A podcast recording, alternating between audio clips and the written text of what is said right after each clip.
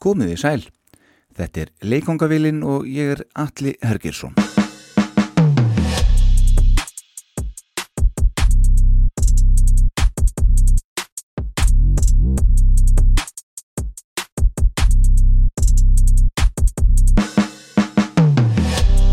Það er komið að enn einni Jónsmessu. Þessi messa er númer 5 í rauðinni.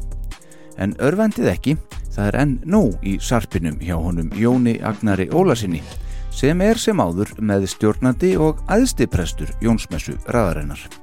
Það er hann sem vilur málefni þáttana í þessari röð og það sem hann kom með að borðin á þessu sinni er ansi skemmtilegt og búast má við að við förum um víðanvöllin hér í dag. Við erum að tala um bönd, nú eða sólólistamenn sem náðu ekki almennilegu flugi þrátt fyrir að hafa samt nóg fram að færa. Einhver gæði sem urðu til þess að margir heldu að flugið yrði margvalt herra en úr varð. Bönd sem fóru undir, eigum að segja, alheimsradarinn. Bönd sem höfðu þetta allt eins og áður sagði en náðu bara einhvern veginn ekki að springa út. Við Jón kíkjum hér á nokkur dæmi og heyrum jafnframt sögurnar þarna á bakvið. Jónsmessa nr. 5 er hér framöndan og allt er þetta í bóði Bödvæsir Búdvar, hins létta og jafnframt tekneska.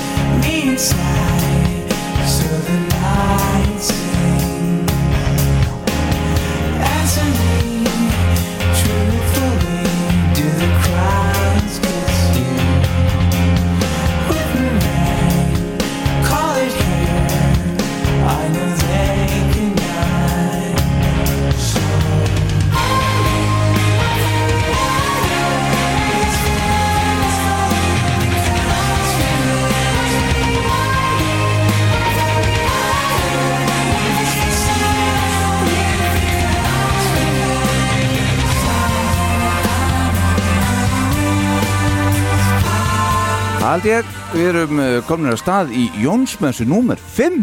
Heldur betur, Já, velkomin Jón Agnar Ólason. hjartans þakki minn kæri allir Herðu, við byrjum þetta á uh, danskri sveit sem að byrja nafnið Mjú, Já, þetta er vel valið hjá þér er það ekki? Jú, Þetta er uh, skrifað M-E, sem sagt, tvöaldvaf. á, og uh, þetta er band sem er stopnað í uh, Hellerup Í hellir upp árið 1995 og þeir eru enn að. Ok, uh, ég held bara einhvern veginn að þeir hafi ekki náð svona þessum hæðum sem að þeim var spáð. Nei og, hefði, og var réttilega spá þegar þessi plata kemur út. Algjörlega, þessi plata kemur út 2005 en þeim var spáð því að verða bara eitt af uh, þeim stæstu svona, þetta er svona upp úr 2000 epist eitthvað sem var svo mikið í gangi. Heldur betur. Uh, Muse masteriðu þetta svolítið. Já, Arcade Fire svolítið líka og þetta er bara svona er gott stöf virkilega flott stöf sko. En þeir bara urðu ekki þeir sem að uh, þeir átt að verða. Nei, það má saman að spyrja sig mitt. Hvernig það? Var, ég man á þessu tíma sem þessi plata kemur út þá held ég úti bloggsíðu á mokkablogginu. Já, og endaði vennilega hvert ári að henda ég held ég hef nú ekki nefnt nema kannski topp 5 eða jafnvel bara topp 3 Mhm. plötur ásins mm og núna, það er langt ég heyrið þetta síðast en það er að rifjast upp fyrir mér að platan með þessu lagi, And the Glass Handed Kites hún, Mhm. hún endaði í þriðja sæti hjá mér að þetta árið sko já, er ég hlustaði helling á þessa plötu mm hún var með daldið svona nýstánlegan hljóðheima mörguleiti Mhm. og heilti við bara þræl vel samta músík já.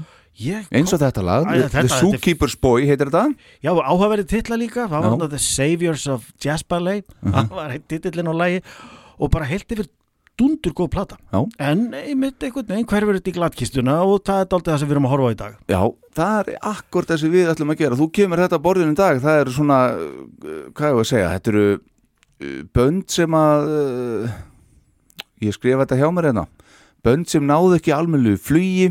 Nei, Flugu lægra en margir byggust við rétt, Bönd sem fóru undir alheimsradarinn einmitt. Bönd sem höfðu margt fram að færa En náðu einhvern veginn ekki að springa út Nei, hlutir sem sko að ósekju náðu ekki alveg þeim hæðum sem að maður hefði búist við. Já, og gaggrinendur og Já, nákvæmlega. útgefundur Einmitt, einhver hluta vegna. Við munum skoða það, þú veist, þar sem það leikur fyrir. Já, Hverjar eru ástæð þess að sumt svona gæðaefni einhvern veginn næri ekki hljómgrunni hjá fjöldanum og siglir undir radarnum og jafnvel fellur jafnóðum í gleimsku eða verður ekki alveg jafnvinsælt og menn heldu. einmitt. Þetta býður upp á alls konar teik og auðvitað verða sumir hlutir vinsælir innan gæsalappa þótti ná ekki alheims fræð sko. Já, já, en svona, eins og mjú í heimalandinu og og svo bara sem dæmi þetta band hérna í sínu heimalandi þetta er kent mm frá Svíþjóð stopnuð, eh, eh, þessi hljómsveit er stopnuð í Eskilstuna í Svíþjóð árið 1990 hættu störfum árið 2016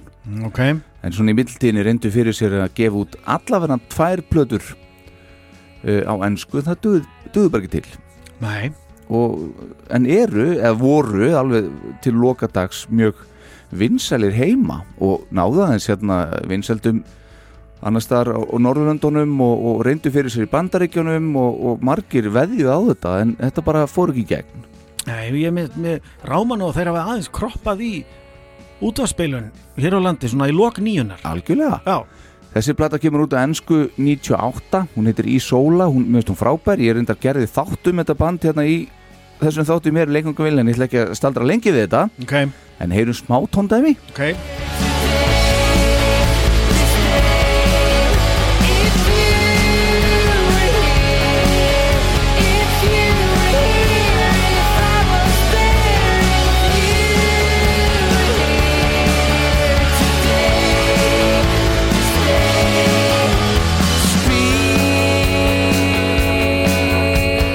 Svo sá ég á hróaskeldu, hérna, hvað, 98, voruð þið þjættir?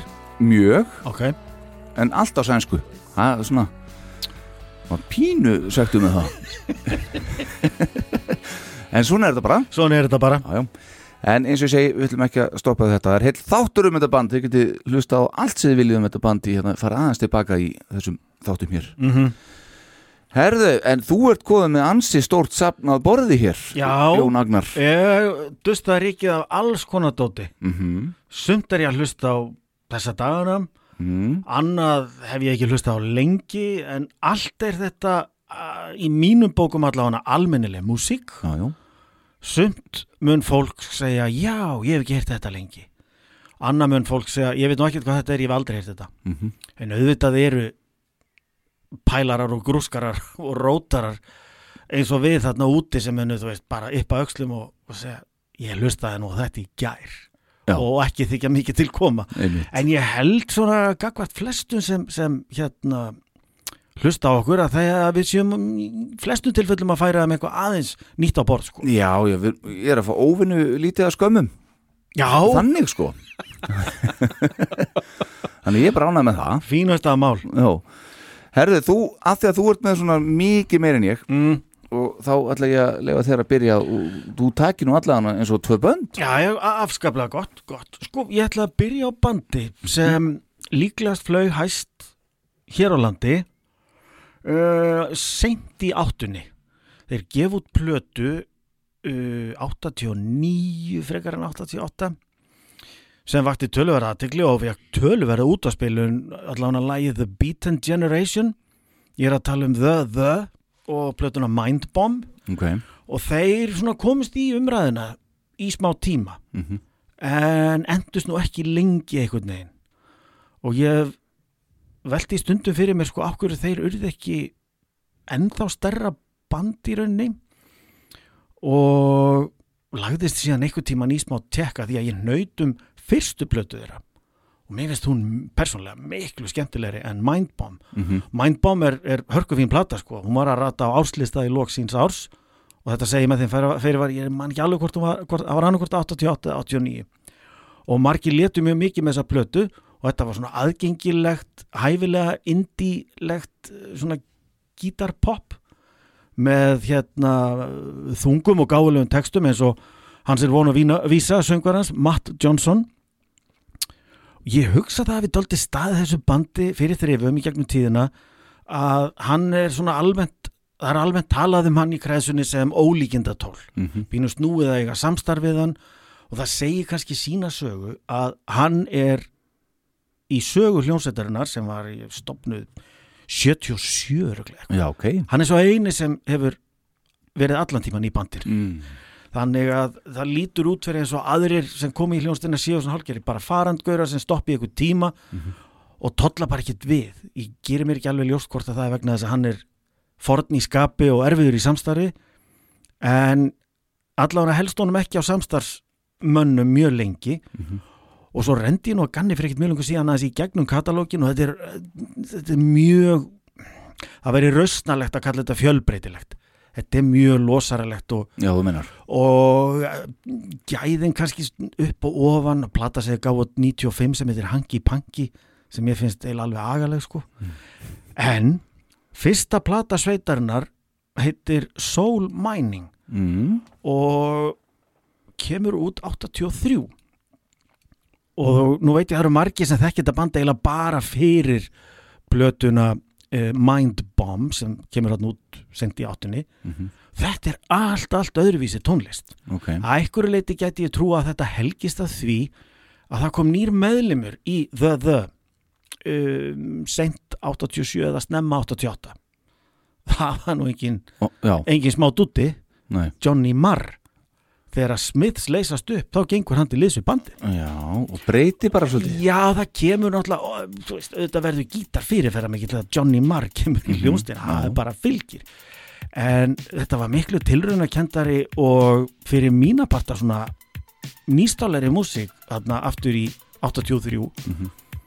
uh, hún var svona mm, höggþingri og bara dálítið meira krefjandi og hún var talsvist elektrónískri Ok, það er að segja að syndarnir voru talsvist fyrirfæra meiri og það má heyra á þessu lagi við skulum taka kannski eitthvað eitthvað hlut að því, þetta er vel á tíundu mínútu þetta lag, þannig að við kannski tökum það ekki allt, en þetta er ágætist tóndæmi um það hvernig hljónstin þau hljóma á þessum tíma. Og það 83 er algjörlega þess virði fyrir áhuga sama að pæla þess í þessari blötu því það er hellingur þarna. Lagi er Giant. Yes. The sun is high and I'm surrounded by sand as far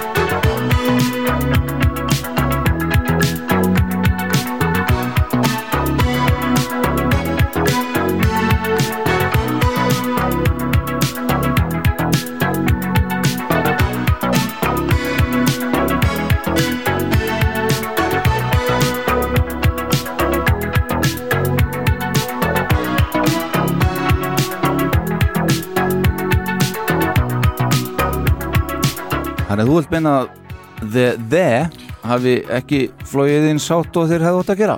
Sko, mér finnst allan að þessi plata vera óþarlega glemt -hmm. og í henni eru fullt af áhugaverðum pælingum og kannski óhefbundnari og fjölbreyttari en áður nefnt svona þeirra frægasta plata, Mind Bomb, hefur upp á að bjóða. Það er svona pínu goth þarna, það er svona hljóðheimur sem Cure voru mikið að vinna með og það er svona mm, ákveðin slatti af industrial music, það er svona þessi verulega þunga og drungarlega raftónlist og það er svona bara dans, rafpop og Það er ekkert marri þessu, það getur orðað þannig? Nei, darabum pís Það, nei, nefnilega ekki og, Nei. og ég held að mjög fáir þekki the, the að þeirri tónlist sem þarna er að finna. Já, en þeir fóru býstna vel af stað og svo fara þeir- greinlega verða bara leiðir á þessu og fara bara ykkur alltara pælingar. Mhm.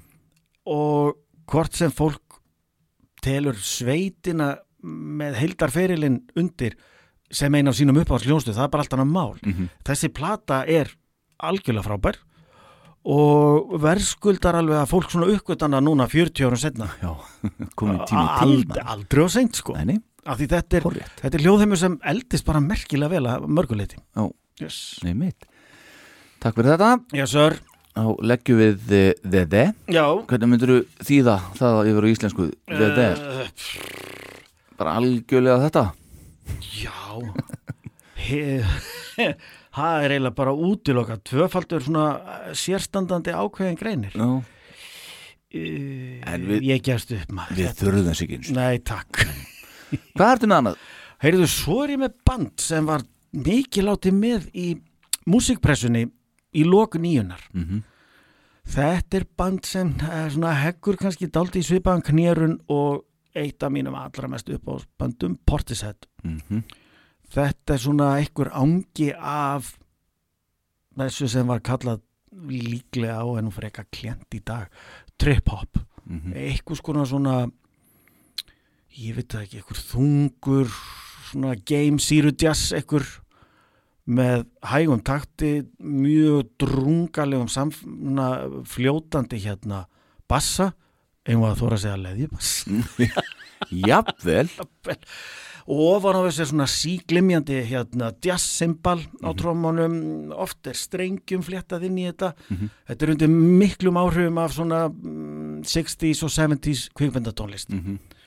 Portisett algjörlega masteruð þannan hljóm. Mm og uppskáruð þrjárplötu sem alla teljast í dag meira að minna bara tímalöst meistaraverk.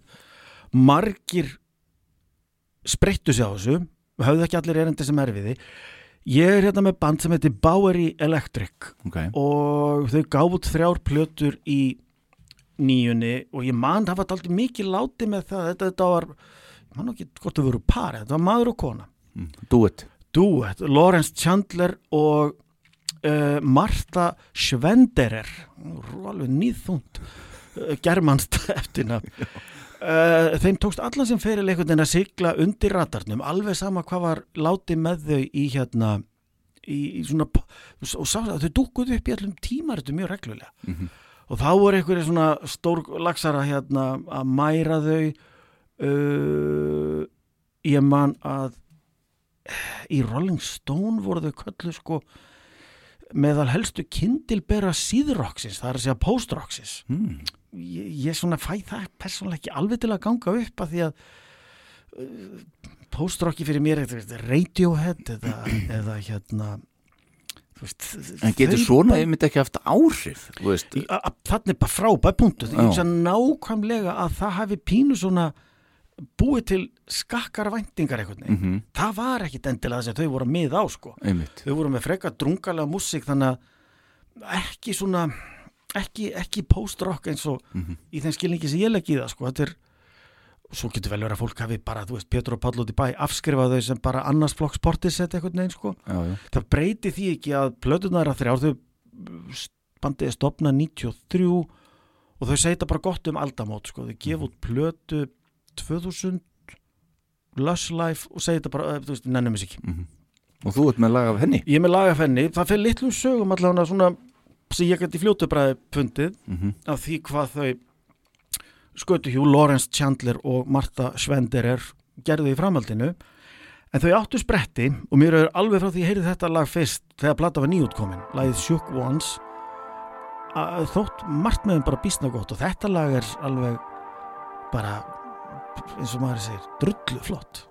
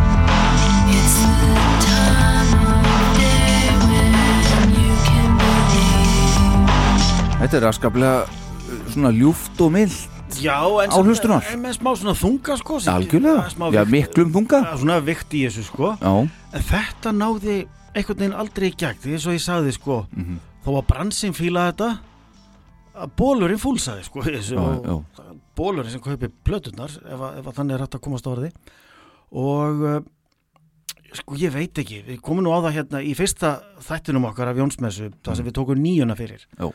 Að ef allir þeir sem keftu meistaraverkin úr grönsinu Já. Super Unknown og Dirt og þessa plötur Mhm. ef, þeir, ef þrjár miljónir af þeim eða, hva, jú, þrjár miljónir voru tilbúinir að kaupa plötuna með Candlebox Mhm. það hafði nú einhverju portis þetta að það mátt kaupa þessa plötur sko, og bara gefa sér séns Ég seldist þetta mjög lítið Já, afskaplega lítið afskaplega lítið, Ok. þannig að það er út af sig ekkit óskiljanlegt og þau, tví- tvímenningarnir, hafi bara hugsað með sér bara þetta hark gengur ekki. Nei. sjö ára streð og bara finnum okkur dagvinnu og látum gott heita Já, sko. hættum þessu bara. Já, já, einmitt. það er eins og það er sko.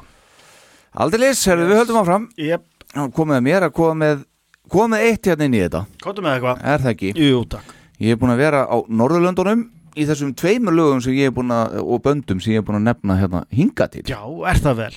Ég ætla að halda áfram. Á Norðurlöndunum Ég ætla meira að segja að vera hérna á Íslandi. Hva? Ég er að segja það. Og ekki bara á Íslandi, heldur ætla ég að fara í heimabæi minn. En ekki hvað? Jepp, ég er að tala um baraflokkin á Mér finnst hann eiga heima þarna. Mm uh, Þetta er hljómsveit sem er stopnuð á Akureyri árið 1979 og þessi sveit er klárlega svona eitt af óska börnum Akureyra bæjar þegar það kemur á tónlist. Mm og ég svona sem hreinræktaður norðamaður eða svona alltaf því ég má segja þetta að því ég veit þetta, þetta er bara staðrind uh, meðlimir voru söngvarinn og síðar upptökustjórin Ásgeir heitin Jónsson sem því miður lest langt fyrir aldur fram fyrir nánast ári síðan upp á dag eða í mæ 2022 það er 59 ára gamall. Svo var þarna gítarleikarin Þór Freysson hljómbósleikarin Jón Freysson bassaleikarin Knái Baldvin Sigursson eða Balli Bassi og loks Árni Henriksen Trimbill. En sá síðast nefndi hætti reyndar í hljómsveitinni snemma á þeirra ferli en hans skarð fylti heiðusmaðurinn mikli Sigfús Örn Óttarsson eða Fúsi Fallbissa, Fúsi Óttars. Fyrir áhuga sama þá var hann, hann Fúsi, einmitt einn af fyrstu gestum mínum hérna í þessum þáttum mínum leikungavilni það var uh, fyrir tæpum fjórum árum þe- þegar hann mætti hérna til mín og við fórum yfir hans tónlistarferil sem er engar glæstur. En sveitin baraflokkurinn þeir gáfu út þrjár hljóðursplötur á sínum ferli. Plötunar baraflokkurinn, list og gas á því svo að bæta við einni sapplötu árið 2000 það var platan Sahir. En svo plata geymir flest af þeirra bestu lögum Baraflokkurinn spilaði víða á sínum tíma og færði sig einmitt nær markaðnum um miðjan nýjunda áratugin þegar þeir fluttu sig til Reykjavíkur til að vera nær tónlistaserunni. Þeir komu fram í kvikmynd Friðriks Þórs, Rokki Reykjavík og reyndu meira að segja einni fyrir sér erlendis. Ég reynlega skil ekki hversin þeir náðu ekki lengra þar en það er einmitt afar erlendis hlustun að hlýða á margt af þeirra framústefnilega efni. Það er mikið til í þessu nefnilega Ertu ekki sammála því? Algjörlega Hver kannast ekki við lög eins og I don't like your style og Matter of Time til að nefna eitthvað? Já, sko, ég get bara kvittað undir þetta með að, hvað það var þar að hérna, mm, lengi framan af Mm þá vissi ég bara ekkert hvaða erlenda hljómsveit til að flytti þetta, þetta I don't Nákvæmlega. like your style sko. Mhm.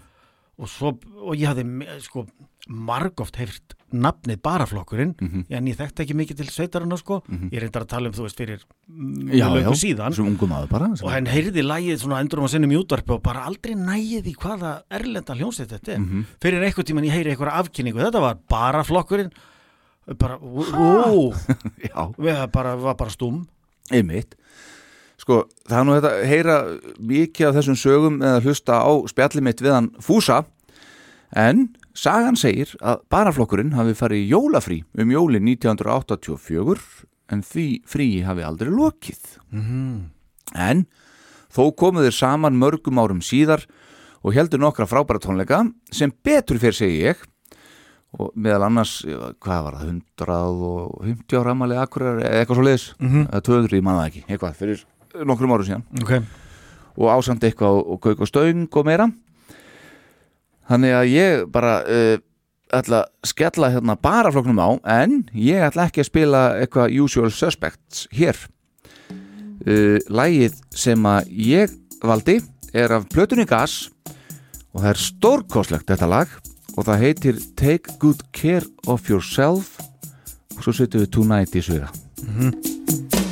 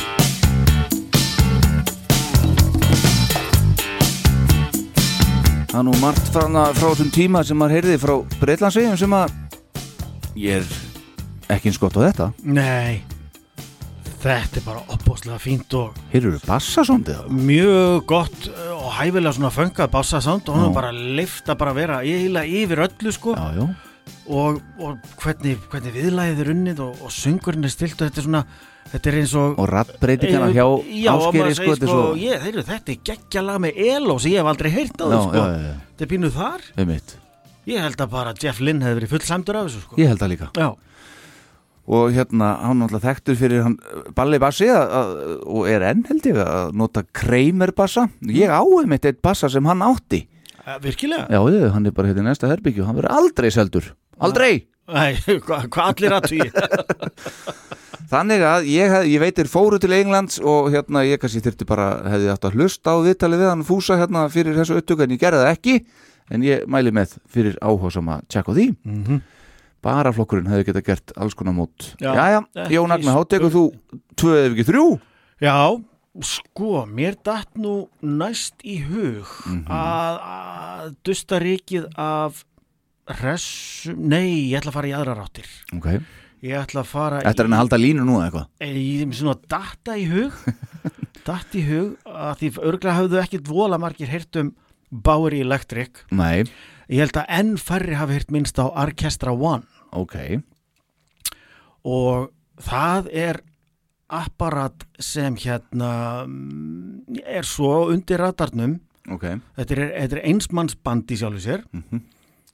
Að hvorki bandið Orchestra One nýja maðurinn á bakviða Matthew Timoney eiga einu sinni sko Wikipedia síðu þetta er bara þetta er alveg í glatkistun einhvern veginn já samt er þetta ekkert íkja gamalt Þetta er í neðstu skúfunni Já, algjörlega. Mhm. Þetta er frá því um, um aldamótin síðustu. Og þessi, þessi ágæti heiðusmaður, Matthew Timoney, var finsk ættaður hjúgrunafræðingurs í London Mhm. sem ól með sér þá drauma að gefa út plötu. Mhm. Hann var aldrei hrifin af svona, mm, ég maður segja, svona lágstemdri rafmúsík með svona pínu, ég maður segja, heimstónlistar áhrifum. daldi mikið í, út í Bossa Nova feelingin og eftir einhverjum krókalegum býst ég við bara þá kemur hann sér í, í samböndu menn sem eiga stúdíó, hann nurlar saman laununum sínum til þess að eiga fyrir einhverjum upptökutímum og í gegnum klíkuskap kemst hann í kynni við söngkonu sem heitir Nina Miranda. Og söng í hérna bandi sem kom nú uh, kom nú skal ég þér segja við sögu í nýju þættinum. Band sem hét, ég held að sé nú ekki lengur til Smoke City. Uh, þau sem sagt fluttu eitt af þessum ofbáslega vinsælu lífas auglýsinga lög. Já, já, já, Lægið þeirra hétt Underwater Love. Ok og Nina Miranda var söngkonan í, í, í Smoke City gekk til liðs við Matthew Timoney það sem hann gaf út undir nafninu Orchestra One. Og uh, þetta er eitthvað sem hérna snillingarnir tveir í bandinu Thievery Corporation. Það eru nú menn sem var master að svona, segja, heimstónlistar áhrif á svona létt létt um, já, létt svona eitthvað svona lo-fi pop og gert svona hálgert svona sendiráðs flugvalla bar uh, partymúsík svona, Já, sagt, með mikið áhrifum bæði frá Miðausturlöndum, Indlandi, Suður-Ameríku víðast hvar, þeir voru fljótir að pikka þetta upp og dreifðu þessu í bandaríkjunum. Mhm. þessi plata fekk víðast mjög fína dóma. En jafn harðan og hún kom út þá verðist Matthew Timoney bara hafa sagt þetta gott og sjálfsagt bara horfið til sinnar fyrri köllunar og haldi áfram að vera hjúka í London Já, það er málið það er bara þannig, hann bara næri einhvern veginn að draga djúft andan og láta draumir rætast og svo bara lætur hann staðan numið Já. en platan er svona drungalegt bossa nova skotið svona, já, lo-fi rafpop Mhm. stundum sungi og stundum bara hummar þessi fallega söngurat hennar Nínu Miranda yfir Mhm. Pínu svona drungi og treyji yfir öllu en lagasmíðarnar eru bara flottar. Mhm. ég var svo, að því þetta er hvergi þessi platar heldur ekki á neinu streymisveitum. Þú maður ma þarf að, að grafa hann upp á YouTube. Já, já, einmitt. Þannig að það er svo sé ekki dvolega ánæða með þetta bara einhvern veginn eða hvað? Eða bara hann bara nennir ekki ég, ég, nú er ég að gíska sko, hann bara, ég nenni ekki að hugsa um þetta. Nei. ég nenni ekki að koma mér á framfæri lengur. Nei. ég vildi gefa þessa plötu og ég gerði það og, og Samt gaman, uh, hefði maður haldið sko, jafnvel tala aðeins á reynslu en að það sé bara til einhver staðar sko að sjálfsögðu, Já. að sjálfsögðu en hann verðist ekki hafa haft fyrir því að reyna að koma þessu á Apple Music eða, eða Spotify Mhm. því það þarf að fara á YouTube Mhm. uh, Og þar hefur einhver snillíkur, einhver bara sem að fílar þetta, sett þetta bara innvæntalega einhver framtaksamur og góðu maður eða kona hefur, hefur skuttlað þessu inn. Ég var svo lánsamur að finna eintak af vínilnum á Discogs mm. á, fí, á bara fínasta prís. Og áttan á þetta á, á mjög vel með förnum vínil góðu helli. En þetta er sjúglega skemmtileg fyrir partítónlist og jafngóð í eftirpartíð ekki endilega dansmúsík en ef að viljinni fyrir hendi og, og ljósin hæfilega dempuð þá má vanga við þetta eftir því að skipta. Ok, en þetta er svona kannski öðru fremur lágstemt kokteltónlist jafnvel í headphoneum ef að maður er einn á ferð. Mhm. en lagasmíðan gerir þetta bara góðu stöffi og þetta er, er frábæð plata. Ok. Við ætlum að fá hvaða lagið Shine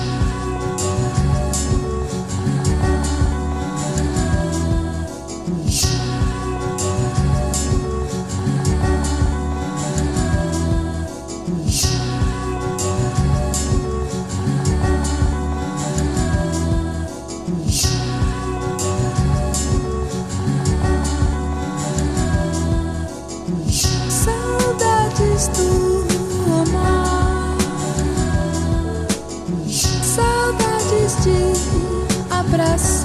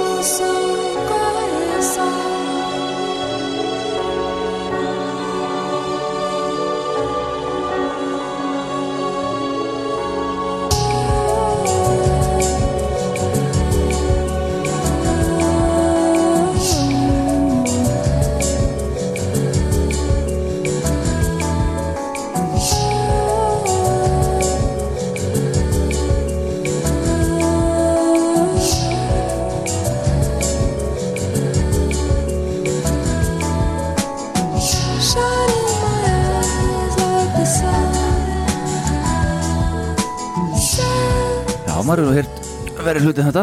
Já, þetta er uh, alveg merkilegt að ekki hafi sko eitthvað hafi ekki orðið til þess að Matthew Timoni öðru nafni Arkestra Von hafi ákveðið að gefa út aðra plötu. Þessi kemur út 2002 og er gegnumsneitt alveg hreint geggjuð og ég fyrir mína part að segja ég hristi mín bestu hanastjál við svona músík Myndu með á að byggja um að setja þessa plötu á næstu ég kemur hannast til til byttu fyrir þér. Þetta er, þetta er, þetta er sko þetta væri besta músík sem þú getur heyrt á flugvallabar að búa að fresta fluginu um einhvern tíma. einmitt. Og þú sest niður og drepa tíman þetta myndi líka ganga sem svona síðasta lag í eftirpartíinu í einhver ellendu sendir á því Mhm. þegar diplomatarnir eru búin að losa slöfuna því að móttakan eru að baki. Mhm. tími á nightcap og eitt gott lag. Akkurat þá væri við eitthvað stað þarna. Akkurat. Yes.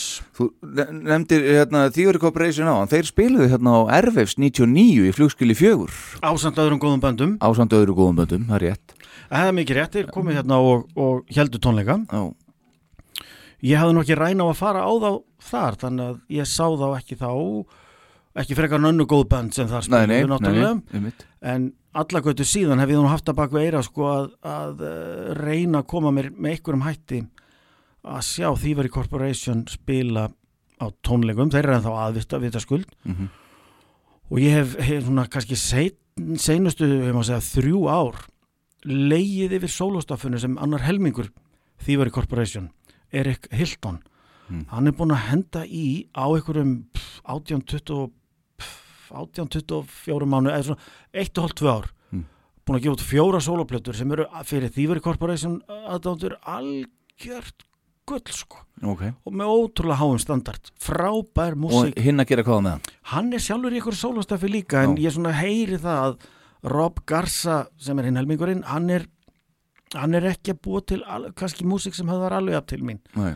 Erik Hilton er með er eins og ég hafi pantað þetta hjá hann sko. Já, það er svo liður já, þetta er sko eitt af, eitt af þú veist, einn af miljón hlutum sem ég fíl í músík er eigum að segja dýrari típan af svona hanastjáls tónlist sko. Mhm. Og músíkin þeirra í Thievery Corporation er einfallega líklega best hefna poptónlist eh, sem ég hef heyrt sem sko tekur inn alveg full áhrif af, af svona heimstónlist mm. indversk uh, svona úr Arabaheiminum, Miðausturlöndum Suður Ameríku Mhm.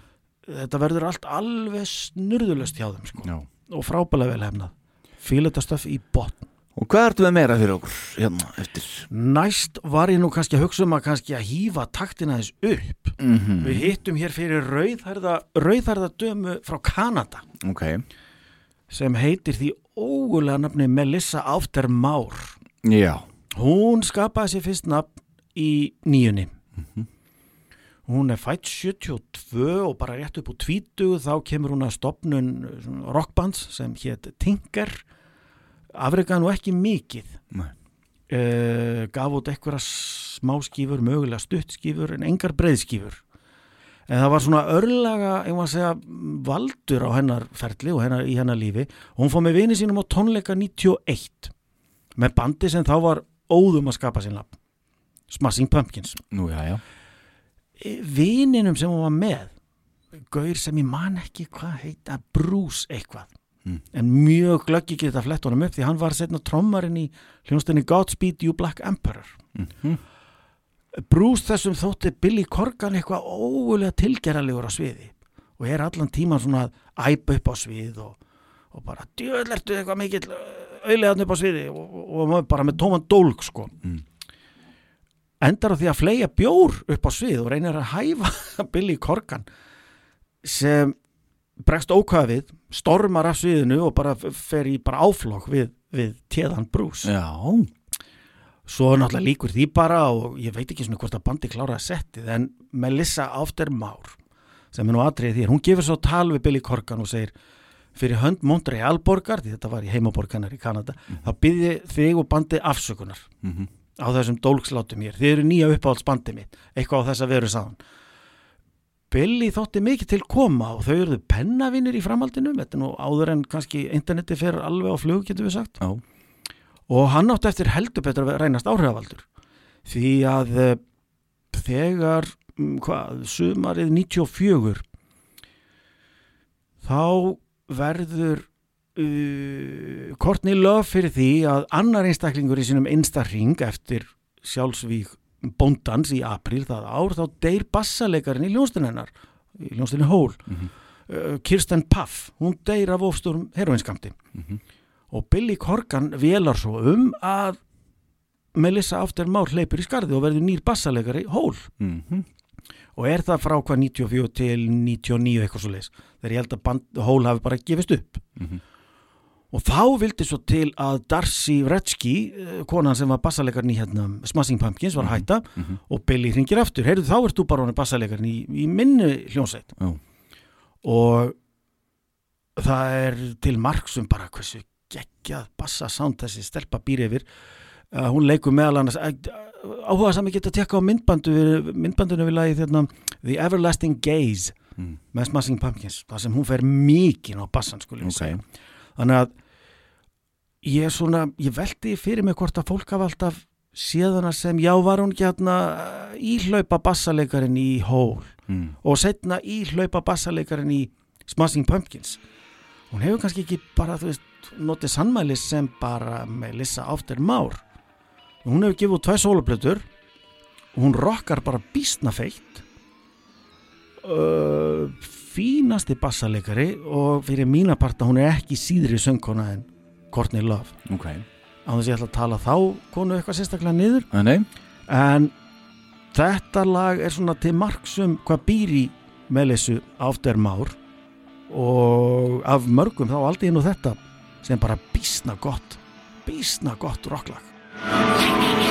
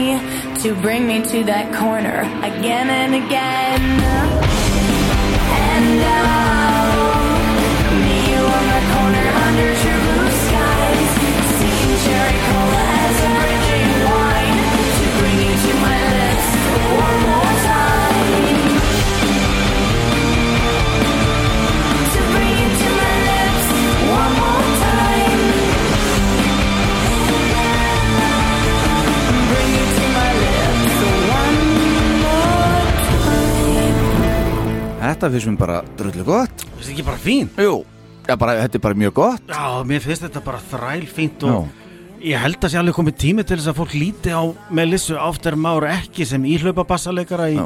stórum böndum heldur bara hörku hljóðfæra leikara, söngara og, og, og músikant. Mér finnst þetta allavega skemmtlegt Já, þetta er frábært. Yes, Takk fyrir þetta, Jón. mín var ánæðan Herðu, þá ætla ég að vera á svona svipuðu nótum Ok, uh, Það sem ég ætla að gera núna Ég ætla að uh, tala um hljómsveit sem uh, heitir Mindfunk ok.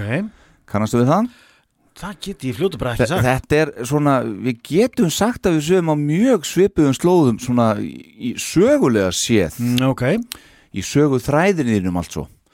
Hlustaðu nú, þessi sveit Mindfunk er stopnuð í bandarækjunum árið 1991 undir nafninu Mindfuck en eftir þeir fengu svo útgáðusamning við Epic útgáfuna voru þeir vinsanlega speðnur um að breyta nafninu öllítið og úr varð nafnið Mindfunk Þeir gaf út tvær plötur uh, þá fyrstu árið 1991 og þá síðari 93 Svo fyrri fekk mun meiri aðtigli þó hún hafi nú alls ekki flóið voðalega hátt. En þessari sveit var spáð góðu gengi hins vegar en það var valinn maður í hverju horni og allir höfðu eitthvað fram að færa þar. Einn af þeim var gítarleikarin Jason Everman. Hann kom reyndar inn í bandi árið 1992 og má því aðeins finna á setni skífu Mindfunk. Jason þessi er ástæða þess að þetta band er tekið hér inn í þennan þátt. Hann nefnilega reyndi að slá í gegn og var svo nálægt við en það bara tókst ekki. Í fyrsta lagi var hann sem ungur maður eða eiginlega unglingur í hljómsveitinni Stone Crow. Það er reyndar hljómsveit sem náði ekkert svakalugum hæðum en í henni var trommarinn Chad Channing sem síðar átti eftir að vera trommarinn í Nirvana á undan Dave nokkrum gról.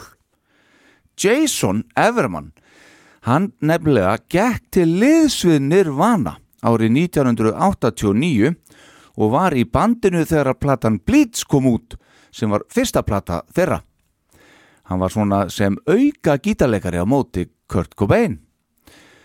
Hann reyndar spilaði ekkert á þessari blötu blessaður en hann má finna þó framan á coverinu.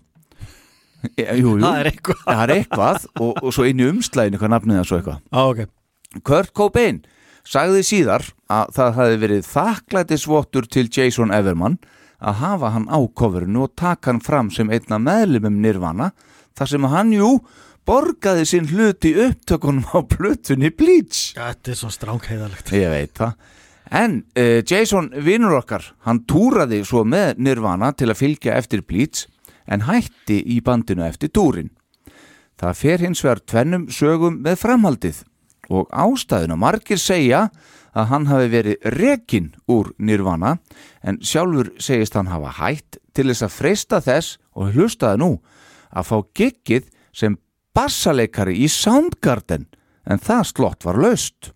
Hann sem að túraði með Soundgarden þá líka og þá sem bassaleikari en fekk ekki starfið og Ben Shepard var ráðinn. Þetta er þegar Hiro Yamamoto hættir sko. já. Akkúrat. Ó, já, já, já. Ok, Einu lögin sem Jason Everman má finna á hljóðarsuttökum með þessum tveimur legendary böndum er í báðum tilfellum coverlög. Eh, Reyndar er frái talin ykkur eh, hérna stuttskífa sem var tekin upp live með Soundgarden.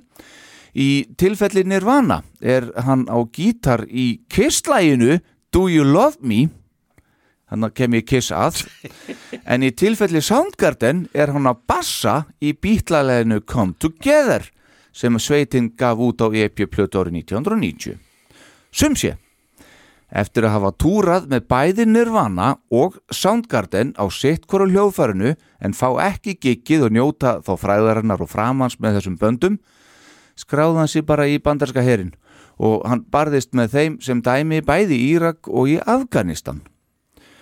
Hann reyndar uh, var þá búin að uh, vera að hrópla um hann í Mindfunk, ekki glemma því. Mhm.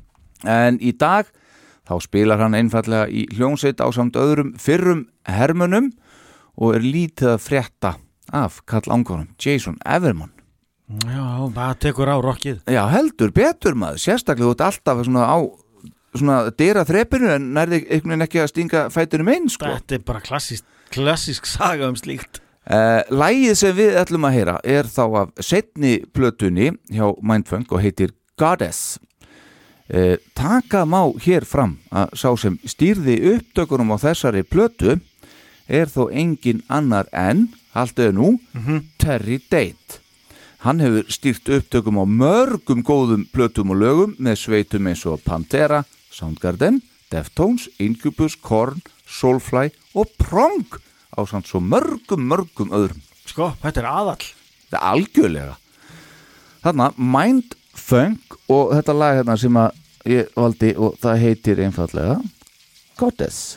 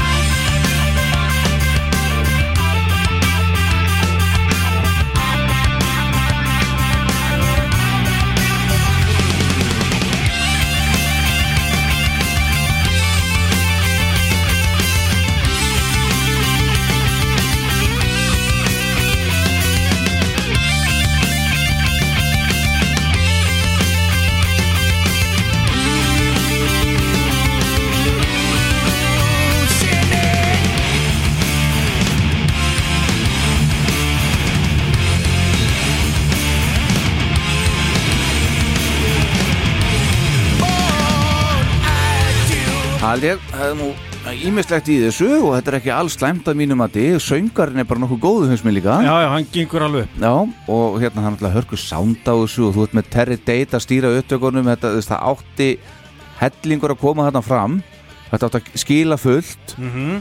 svo ef þú skoðar þessa plötu sem heitir Dropped uh, og þú skoðar hann til dæmis á Spotify, þá eru lögin með svona 2-4 þúsund spilanir Já, ok sem er sennilega það lægsta sem Terry Date komið nálagt um, hvað, hvað ár kemur þessi plata? Droppt út, mástu það? uh, Nei, ég manna það ekki, við skulum bara sjá það.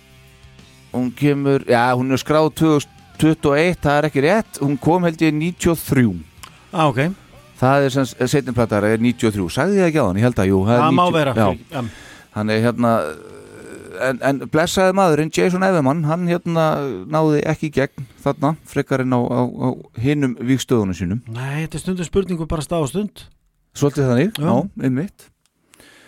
Akkurat, en svo bara svona til gamans þá má heyra vinn okkar Jason spila bassa hér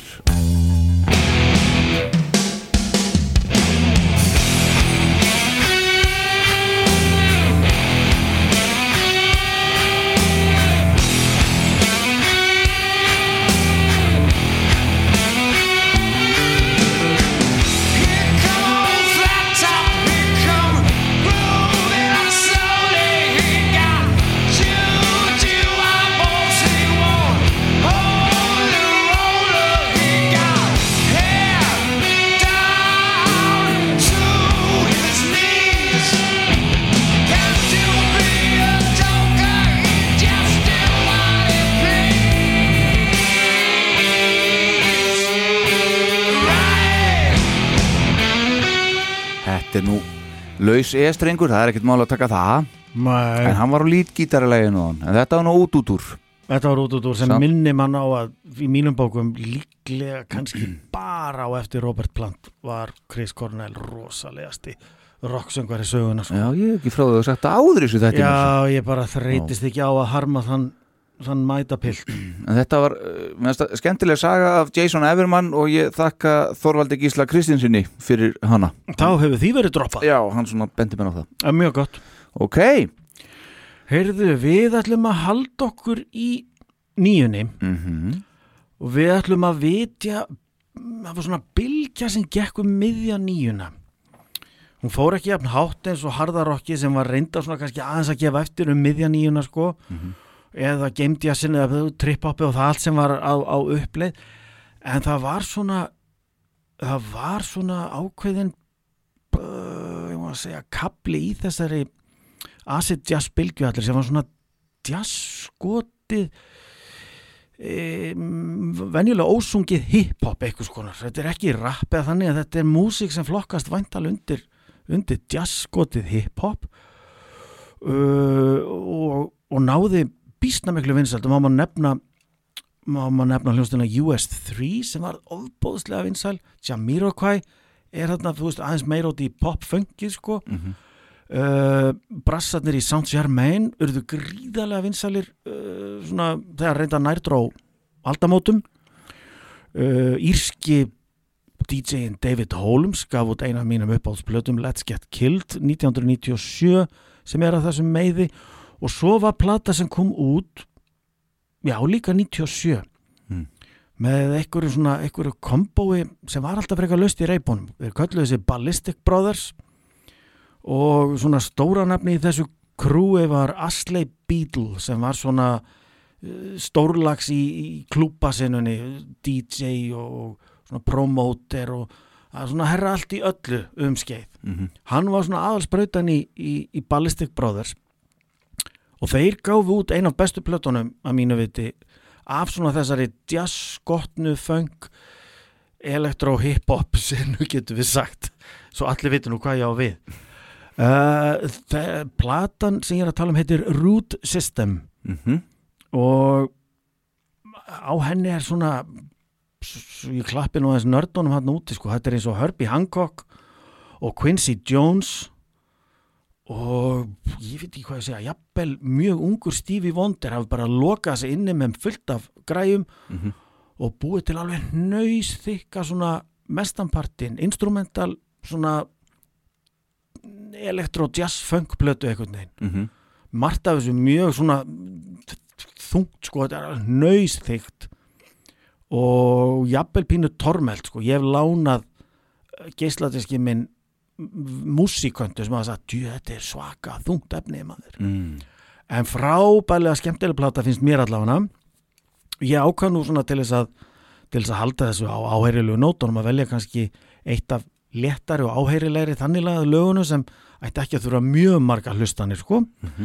Bísna skemmtilegt, þetta kemur í tvennu lægi það er að segja uh, ingangur og svo aðalægið Shivas Prelusion Mhm. og Shivas Waltz Ok, og þetta er mikill og, og, og dramatískur vals getur við sagt. En ég man bara þegar ég heyri þetta fyrst það er nú ekki oft sem ég fíla kannski lög til lengri tíma sem hrífa mig við fyrstu hlustun. En þetta var svona þetta var eitthvað svona tjekk sem að tók í den tíð áður en allir, allir allar streymisveitin að koma til sögunar og þó að restina plötunni tæki smá stund svona að kveikja á þá skildi ég þetta lag eiginlega alveg frá byrjun mm. og mér finnst það skemmtilegt enn þann dag í dag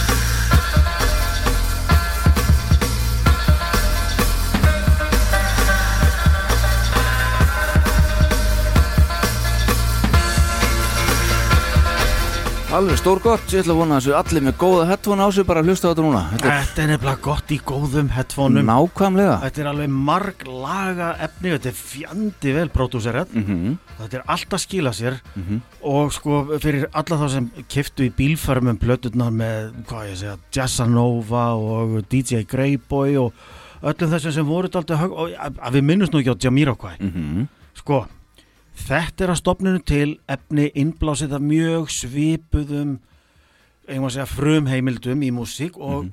JK eða hérna bara aðalsbreytan í Jamiroquai já. hefur sótt í Mhm. en á meðan, og nú vona ég að ég móðki ekki mjög marga á meðan mörg af vinsælu aðgengilegu lögunum með, með Jamiroquai eru segja, eru eins og bara góða franska kartöflur Mhm. Þá er þetta Hasselback kartabla steikt upp úr andafittu með tröflusalti sem er bara, þú veist, ekki jafn aðgengilegt og það tekur lengri tíma að ná því og svo framvegs og svo framvegs og fyrir bræði, ég meina það eru borðaðar svona miljónsinnum meira frönskum en Hasselback kartablum öllu. Og fyrir bræðið er, þú veist, JK Mhm. miljardamæringur býst ég við. Og hann á gríðarlega flott bílasafn og ég veit ekki hvað og hvað. Mhm. Ballistic Brothers bara löð upp laupan held ég eftir þessa plötu sem kom út 97, þeir bara gáfa allt í hana og svo fer ekkit miklu sögum af þeim sko. Þannig er það bara, en fyrir þá sem vilja, þú veist, já ég hlusta á Jamir og hvað í nýjunni, þú veist, þetta er fyrir, þetta er það fyrir lengra komna. Já, já, já. en þetta er bara látið þetta rúla í nokkuð skipti og þá skiljið þetta nöys, þygt og gefandi sko. Þetta er gott stöð, já, mjög, algjörlega. Mjög. Mjög gott. Og þá langar mig að spyrja hvað ertu með næst? Næst er ég með band sem var í bresku poppressunni að mörgum talið bara þetta næsta stóra.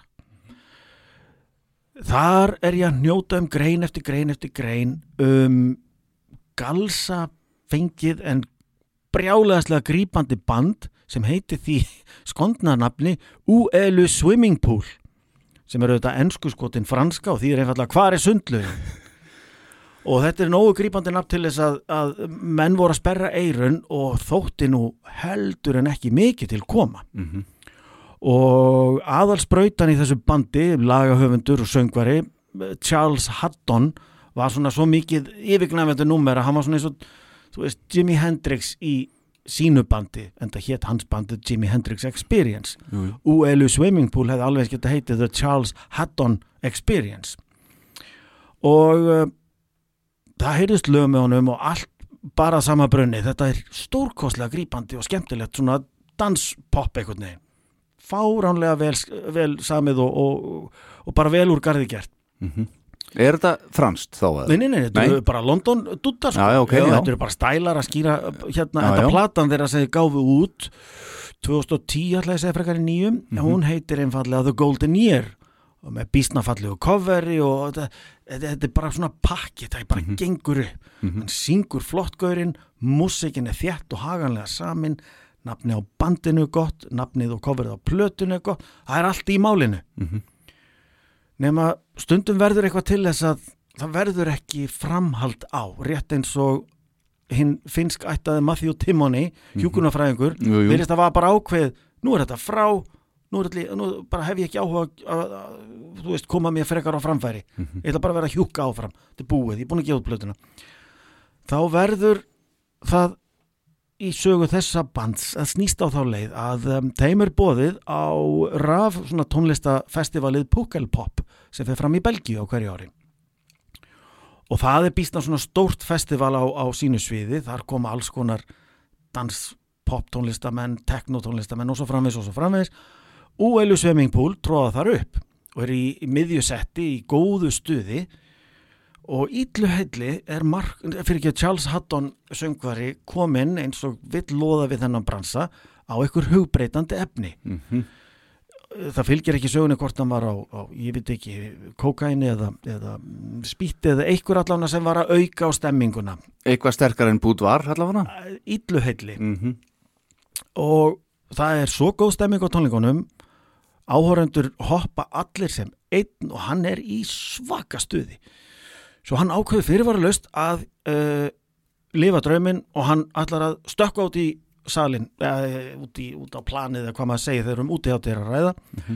Og sem sé crowdsurfa eins og það heitir á afleitri íslensku.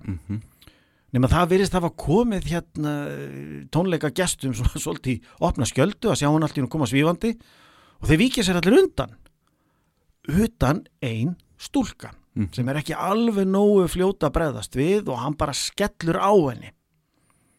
Og upphefst nú smá panik ná planinu á Pukkelpop að því stelpan liggur í einhverju klessu svona þegar að Charles blessaði stígur á fætur og svona dustar af sér sjálfur svona nett lemstrað sko. En hún liggur allir reyfingalösi í einhverju kös og nær bara stinni upp ég get ekki reyft mig og það verður rosa panik í gangi. Og það- bara lítur út fyrir og fyrstu viðbyrðu fólks er á þá leið strákastin hefur hálsbrotið hann. Og það eru kallað til sjúkraliðar. Og henni lift varlega á börunar og eftir á sögðu tónleikagestir að þeim leist nú ekki á svipin á Charles Haddon þegar það var verið að bera hann í burtu því að þá voru hugbreytandi efnin komin í sko öfugan gýr í hinátt, þess að gæsræringi sem að verður fyrir magnast markvalt upp og það síðast sem- einhver heyrir hann segir ég vona að ég hef ekki meitt hann illa Mm. og hann fer baksviðs og giggiði fyrir bí og það heyrist hávaða rifrildi og háresti og læti þar sem bandið er eitthvað að ráða sínu ráða með framhaldið en tónleikunum þeirra er, er hætt þarna Mm. og svo hverfur aðal sprautan og aðal dúttin í bandinu, hann bara fer ekkert og finnst ekki fyrir því miður af verksummerkum er ljóst að hann prílaði upp í, í örvendingu sinni yfir því að hafa mögulega lamað eða valdið lömun einhverja stelpu þarna. Að svona stórt mastur sem hafi verið komið fyrir þarna til þess að senda út með gerfinhetti beint frá tá- hátíðinni, hann prílaði upp í það og fleiði sér niður og tók að í líf. Já, sem er hræðilega kaltæð í ljósi þess að stelpan náði sér að fullu og það var ekki daginn. Þetta er auðvitað eins grátlega kaltæð og það verður Mhm. og tæpir í viku eftir andlátið kemur út platan The Golden Year og þetta er frábær plata hún er ekki öll svona dillandi dansvæn eins og lagið sem við ætlum að spila núna Mhm. en það þetta lag er svona dæmi um hversu fjári grípandi þeir gátu verið í ULU Swimming Pool Mhm. hann syngur svona eins og, eins og Justin Timberlake á sínum besta degi Mhm. Frábært lag sem heitir Dance the Way I Feel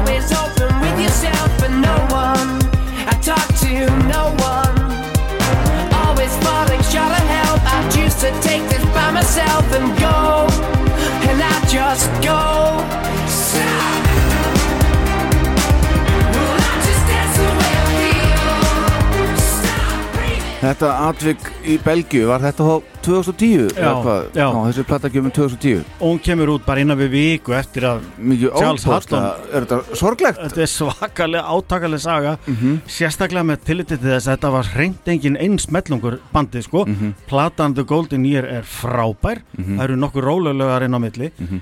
en lagasmíðarnar eru þesslegar að það eins og þú segir, það er alveg lamandi sorglegt til þess að hugsa hvað hefði gett orðið um þetta band næsta áratugin sko því þarna voru einhverjir alveg stórbrotnir hæfileikar á ferð. Og Charles Hayden Hutton var allt í öllu þannig að þetta band náttúrulega bara hætti samstundis og því miður þeirra vegna er þetta daldið mikið bara fallið í glemsku Mhm. en þetta er plata sem er þess verið að kynna sér. The Golden Year með Uelu Swimming Pool. Mhm. Algjörlega, Yes sir. Takk fyrir þetta. Og hvað, hvað er næst? Jón Agnar? Næst skulum við kannski aðeins hífa upp stemminguna. Mm. þetta uh, gekk aldrei nær okkur þessi dramatíska saga. Já, þannig að Miður þá já, þá er nú laga að hressa við lundin og halda til Liverpool þess, þess gæða pláss. Já. hvaðan kemur hljómsveit sem ég hef verði að viðkjöna ekki með góðu móti skilið af hverju hefur aldrei orðið bara almennt stærri en hún er. Aftur með þeim fyrirvara auðvitað er fyllt af fólki að núti sem þekkir kvartettin Lady Tron. Mm. en ég meina, hefur þú hert minnst á hana? Nei, Nei, þetta, þú þetta er ekki að ringja nýjum bjöllum hjá mér, sko. Nei. Þetta er mjög hérna, hvað maður að segja, mjög fjölþjólett band. Mhm. skipuð söngkoninni Helen Marni. Uh, hún er frá Liverpool. Mhm. uh, Mira Arroyo, hún er frá Bulgaríu Dame, uh, Daniel Hunt segja, hann er frá Londona, ég trúi, það er annars að það eru tvö þann og svo er Ruben Wu sem er japanska ættaður. Og þetta er hljómsett sem hefur verið að gefa út síðan snemma í hvað segir maður, snemma, snemma í nullinu Mm.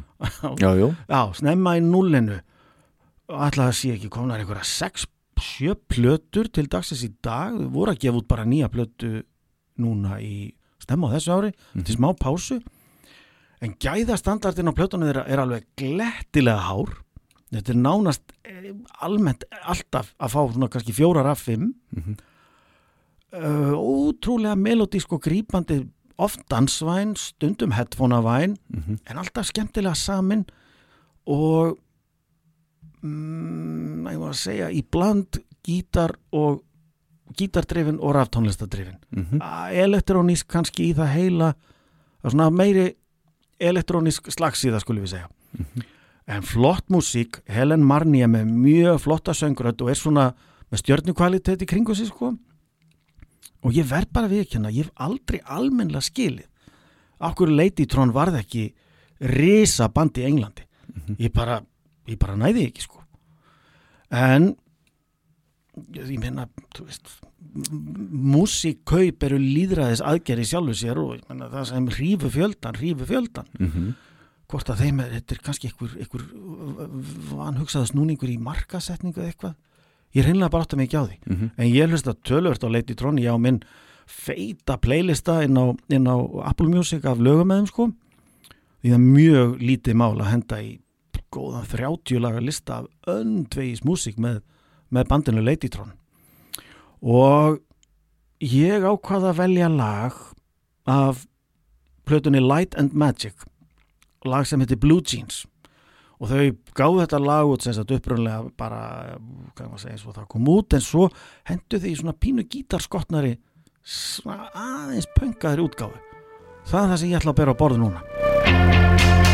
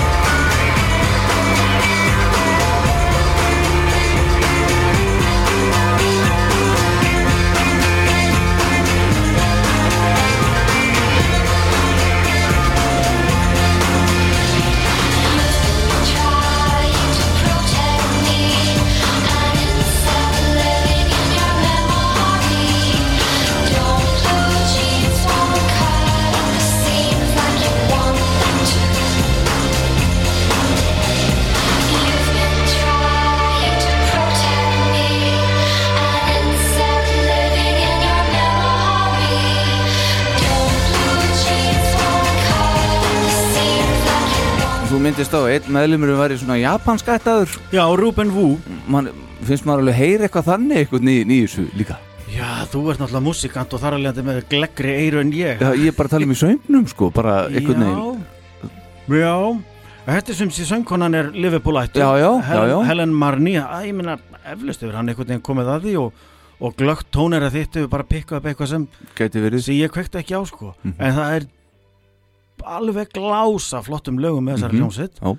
hún er stopnum 99 og hefur verið að gefa út nokkuð stöðugt síðan. Mm utan kannski pásu sem ég ætla að giska á eða svona, já, með minni að hafa verið frá kannski 2014 til 2020 og þau eru bara búin, nýbúin að gefa blötu segiru nýbúin að gefa út plötu sem ég fatta nú ekki að fletta upp hvað heitir Nei. en það er eins og Já. það er og, og við getum nú séð það sennilega. Já, sjá. er það eru það er að koma upp úr dúrnum að það er stutt skífa City of Angels. Sem, já, það er að segja EP-plata verið störa akkurat, ykkur remixes ég veit ekki já. já, ég verða ekki en ég er ekki búin að tjekka á Nei, en nei.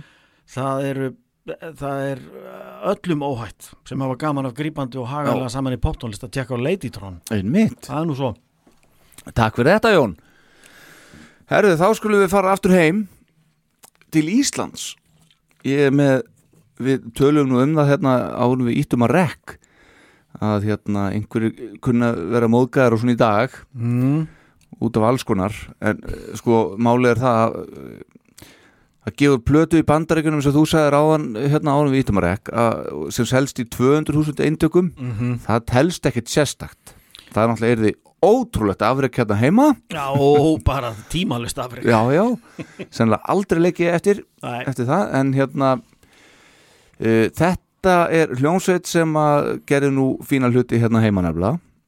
En Ok. ég er svona pínu að horfa út fyrir landsteinana. Þetta er hljónsveit, hún er stopnuð í bílskúr hér í Suðubænum í Öfnafyrði árið 1992 já, Af þeim Páli Rósinkrans söngvara, Gunnari Bjarnar Ragnarsinni gítarleikara, Starra Sigursinni bassarleikara, Jóni Erni Arnarsinni trommara og hljómbósleikarun Hrafni Tórótsen, Jack Black Joe.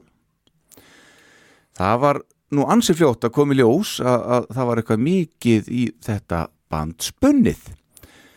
Og ekki bara sjálft bandið heldur uh, ekki, ekki bara þótti sjálft bandið gott heldur voru lögin þeirra flest afar vel samin og var það alls ekki sístónum Gunnari Bjarnar að þakka. Þvílíkur lagahöndur sem þar eru ferð fyrsta platan þeirra kom út þetta sama ár 1992 og var samnemnd Sveitinni Þau voru nokkur lögin sem náðu mikill í aðtegli hérna á Íslandi af þessari fyrstu blötu þeirra því þarna voru sem dæmi lögin Rain, Big Fat Stone, Falling og svo trúbót slagarinn Starlight. Íslenskir rock unnendur eða tónlistar unnendur heyrðu strax að þarna var eitthvað agalega sérstakt á ferðinni og Jack Black Joe slóu í gegn hérna heima. Þeir urðu algjörar rock stjörnur á Íslandi og lifðu þeim stílnum allaleið til eins í ítrasta. Önnur plata þeirra You Ain't Here kom svo út árið síðar 1993 og er sennilegast þeirra besta skífa. Ég held það. Svo vandar greipur er þar á ferð. En þeirra þingsta plata kom hins vegar út árið eftir það 1994 og ber hún heitið Fuss. Lægi sem ég ætla að spila henni í dag er einmitt af henni. Uh, Eftir þetta komu slatti af best of plötum og einhverjum smáskifum og reyndar ein breyðskifa í viðbót, platan Full Circle sem kom út árið 2006 en ég, einhvern veginn, dónin ég tel hann að varla með sem harður aðdáðandi gömlu góðu Jack Black Joe en bandið hætti svona mestu allavega störfum tíu árum fyrr eða 1996 Þá frelsaðist Páll Rósinkrans eins og frættir orðið og þeir Rafn og Jón Örn stopnuðu hinn að fínu sveit Ensými. Lítið yfir hins vegar heyrst uh, af starra. Uh, Gunnar Bjarni fór í hinn ímsu verkefni sem engin flugu jafn hátt og öruglega eins og Jack Black Joe gerði en sagan er þarna og uh, í henni stendur að Gunnar Bjarni er einn af bestu lagahöfundum sem Ísland hefur alið af sér. Ég fullir þetta. En þegar að sveitin hætti þarna 1996 voru einhver tilbóð á borðinu frá evróskum útgáfufyrirtökjum um útgáfu á þeim en verð gekk eh, hjá þeim að ná í gegn í bandarækjunum. Ég held nú að veri einhver bandarækja fyrir hann inn í þessu sem að eitthvað fór, eh, að fór allt í, í skrúuna þar að mér skilst. Þekki ekki alveg þessa sögu en uh, það sem ég hefði viljað sjá hvað hefði komið út úr þessu hjá uh, þessum piltum á sínu tíma hefður ekki hægt. Lægið sem ég spilaði dag er af Fuss eins og áðursæði og ég hef á tilfinningunni að þeir hafi verið orðnir pínlítið lúnir og þreyttir uh, þegar að samt þessi fína plata var samin og svo tekin upp. Hún er nefnilega allt öðri sig en allt annað efni frá Jack Black Joe. Þessi þáttur hér hefur ítrekað reynd að fá tvo af upprunalegu meðlumum Jack Black Joe í þáttinn en án árangurs. Hafið þeir skömm fyrir? Nei, það er ekki svoleiðis. Ek ekki alla leið. Annar má hafa skömm fyrir. En ég gefst ekkit upp. Eh, Það eru bara þessi tveir sem að ég ætla ekki svona að nefna sem ég vil fá í þáttinn og ég, eins og ég segi, gefst ekki upp fyrir það text. Nei, nei, sem er ágætt. Já, akkurat. En við mögum ekki kenna þeim um þetta alveg allt, alla, alla leið, sko. Nei, ég segi nú bara svo. En lægi sem við viljum að heyra er Metal Maniac.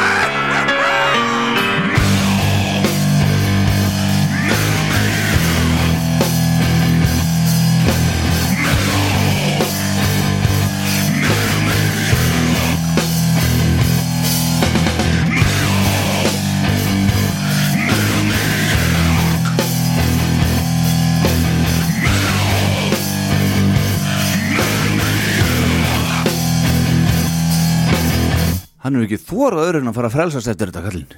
Ég veit það ekki. Þetta verður ekki að beint í, Já. í beint í trúna maður. En þetta er, ég, ég er mikill aðdáðandi þessar hljómsveitar, hann ég er nú ekki hlutlust en sko, ég skil ekkert í því og hlustar á til dæmis plötuna UNTR þeirra plötu nummer tvö Mm þetta er svo vandað stöf sko, Þú hvað af hverju fór þetta ekki lengra Já, það er stórti spurt. já, ymmið, þetta eru spurningar sem ég þarf að leggja fyrir ykkur aðra, ég átta mig á því Já, já.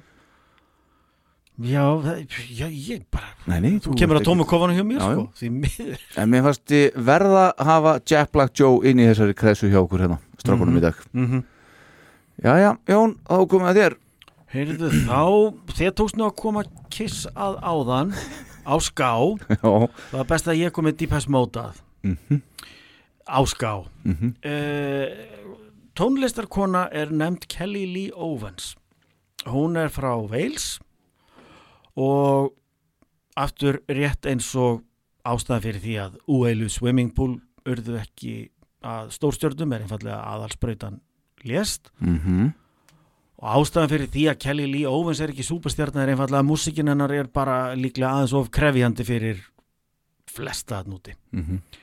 Hún er sumsi svona freka tilhörnakendur raftónlistamæður og oftast er músikin hennar þannig þótt hún sé alls ekki einsleit eða einhæf að þá syngur hún íðil fagur í röddu, hún er mjög fín sönguna og spilar undir oftast einhverja frekar svona að því að mér finnst áheyrilega en margir kynna að kalla þetta aðeins of svona tormelt og tilrunarkent og þarfmyndu göttunum. Það verður bara að hafa það. Hún sem sé er að hita upp fyrir Depeche Mode á heimstúrnum sem þeir eru lagðir í núna Já, til að fylgja eftir sinni síðustu plötu Memento Mori. komið tenging Þannig komið tenging, bingo. Ætlar að fara á tónleikana með það? Ég ætla að reyna núna þegar líður á árið en ég veit ekki alveg hvort það næst. Það eru, það eru alls, konar, alls konar breytur sem þurfa að ganga upp Mm en það væri nú bísna gaman og tala nú ekki um ef ég næði giggi það sem Kelly Lee Owens Já, er að, er að hita upp og undan og til, sko, ég valdi lag af nýútkominni stuttskífu sem heitir LP 8.2 og lagið heitir Mobius. Þeir sem til þekkja er að sko uh, Mobiusar likjan er svona eina af þessum hugtökum sem kalla má starffræðileg þversögn. Þetta er sem sagt eins og bara sjáðu fyrir þér eitthvað skonar borða sem er það snúið upp á hann og svo er hann nýttu saman og þá verður úr uh, ég maður að segja ferilla sem þú, getur strokið penna eftir þessu út í það óendalega Mm. þú veist hvernig óendalega táknið það er svona skæld átta. Já, já, það er í prinsipinu Mobiusar lúpan sko. Ok. Og textin í þessu lagi er, er til þess að gera frekar einfaldur.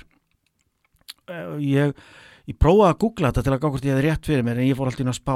Allir sé tenging milli þess að Mobiusar lúpan er svona upp á snúin átta Mhm. og ofan á ta- grunntaktunum í þessu lagi heyrast sko alltaf í senn átta uh, svona, svona málmhögg hljóð.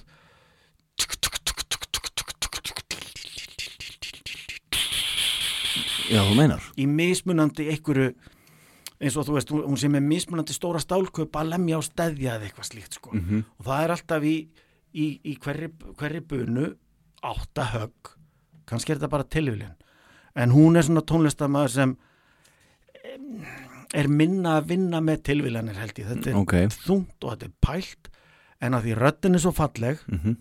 og ég bara fíla það þegar fólk gerir eitthvað aðeins öðruvísi svo ég fíla Kelly Lee Owens í tætlur og þetta lag tormelt sem það kann að þykja náði mér nánast við fyrstu hlustun. Þetta geggjað.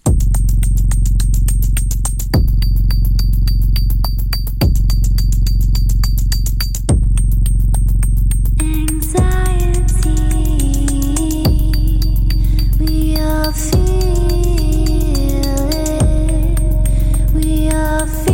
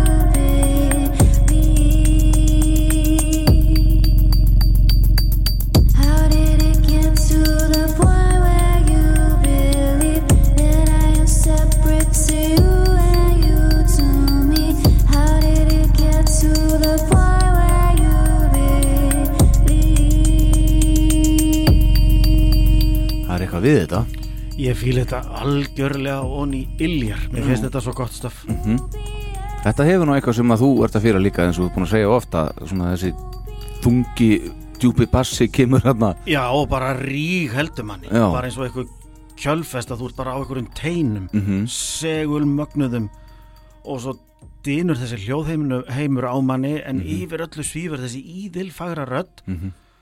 og bara kallaði mig einfaldar en hvað vill maður meira? En hún er ekkert nefnt voðalega stór séru Nei, ekki það, þú veist, ég heyri þetta ég tek ekki marga sem hlusta á hana staðaldri. Nei, ég efast um að þetta sé spilað í útarpi frá degi til dags. Nei, einmitt. Hún er bara frá Wales hún er frá. Wales. Með þeim fyrirvara sko, ef ég ætti að giska ef einhver segði hver heldur að myndi spila þetta? Sko, það er náttúrulega mjög dýrmætu þáttur í gangi á Rástfö í stjórn Þossa Mhm. það sem hann er að kynna hérna undirhaldan, það sem hann er að kynna þetta er aldrei svona nýtt stöf og hann fær aðeins að losna úr playlista tjóðurinnu sem því miður fyrir minnsmekk íslensk útvarsmenning er dálítið rígbundin af Mhm. það mættu alveg vera fleiri Þetta er aldrei mikið bara Já, þú veist, ég, ég held að sé vera ofmeta hversu mjög við viljum alltaf hlusta á sama dóti aftur Mhm. og ég skil upp að vissu markið þetta að það þurfa að láta eh, dægur flugur dagsins í dag rúlla, Mhm. ég get alveg náð því. En þeir eru ekki margir. Þossi sinn er þessu af mikilli alúð Mhm. og hafa hann þakkir Sammála, algjörlega sammála þér. Um, og, og kollegi hans á Rástöð Þórður Helgi, Dotti Litli hann er líka daldið duglegur í bland við svona, þú veist, það sem er eftir á baugi hverju sinni, Mhm. hann krydda morgun þættina sína líka reglulega með góðu stöffi sem er ekki glænýtt Ok, og ekki á allra vitorði heldur.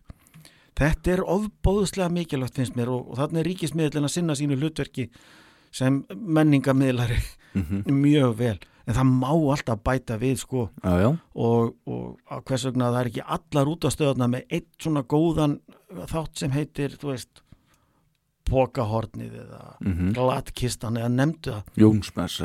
Til að mynda. Já. Að það sem menn fá bara að, að, að Öll róta í, bestu podcastinu eru með svona nefnilega sko já, Já. að, veist, róta í plötusafninu og, og, og bara koma bara með eitthvað nýtt og helst með það fyrir augum að fólk hafi ekki heyrtað Mhm. áður eða þarfram undir göttunum Mhm. mér finnst það, fyrir mína parta finnst það allan áhugavert og, og ég held að við séum að skemmta fólki með því sem við erum að gera. Já, ég held að líka. Yes Já, ég er reyndar að veit það reyndar hefur enginn haft samband við mig sem er óanaður Ég held að þið gera það síður En þeir sem hafa haft samband, ég kann að meta það. Herðu, all right, við fórum hætt úr Metal Maniac með Jack Black Joe yfir í Kelly Lee Owens. Mm og hvað ætlar að bjóða upp á næst? ég er að hugsa um að bjóða þér upp á aðra rauðarða konu. Við vorum Já. áðan með hana með Lissu After Már. Mm. hún er rauðarð og, og bassafantur mikill Karen Elson er kona sem fyrst skóp sér nafn sem ofurfyrirsæta. Mm það er svoleiðis. Hún er meðal annars á einhverju hátíðinni sem ég man og ekki hvað hegi við erum að tala um svona 1997-8 þá er hún einfallega valin supermodel of the year. Það er Já. svona vinsælasta supermodelin Mhm. þetta þótti nokkrum tíðundum sæta því hún er ekki var að segja hefðbundið ef það er þetta að tala um á ofurfyrirsætur séu hefðbundnar. Hún var ekki svona með þessa hefðbundnu 90s ofurmódela fegur eins og til að mynda og nú droppa ég nöfnu sem kannski ykkur kannast við Linda Evangelista Mhm. og Kristi Turlington og Claudia Schiffer og þessar skvísur alltaf Naomi Campbell. Þú, þú Jú, jú. Kate Moss. Kate Moss, gott, Mhm. gott, gott hérna dropp þarna. Mhm. Karen Elson er sem sé rauðhærð og hjælt, sagði hún eitt hérna við ykkur viðtali að þessi ferillanar í sem fyrir þetta væri ekki að fara neitt neitt og hann næstum hætt Mhm. þegar að henni sko, hérna hlotnast þessi titill Supermodel of the Year. Já. Og hún eins og supermodela er háttur hún lappaði pallana og satt fyrir á forsíðuftökum og þarfnættu göttunum uns hún giftist manni að nafni Jack White helmingi White Stripes það er svoleiðis. Það er svoleiðis.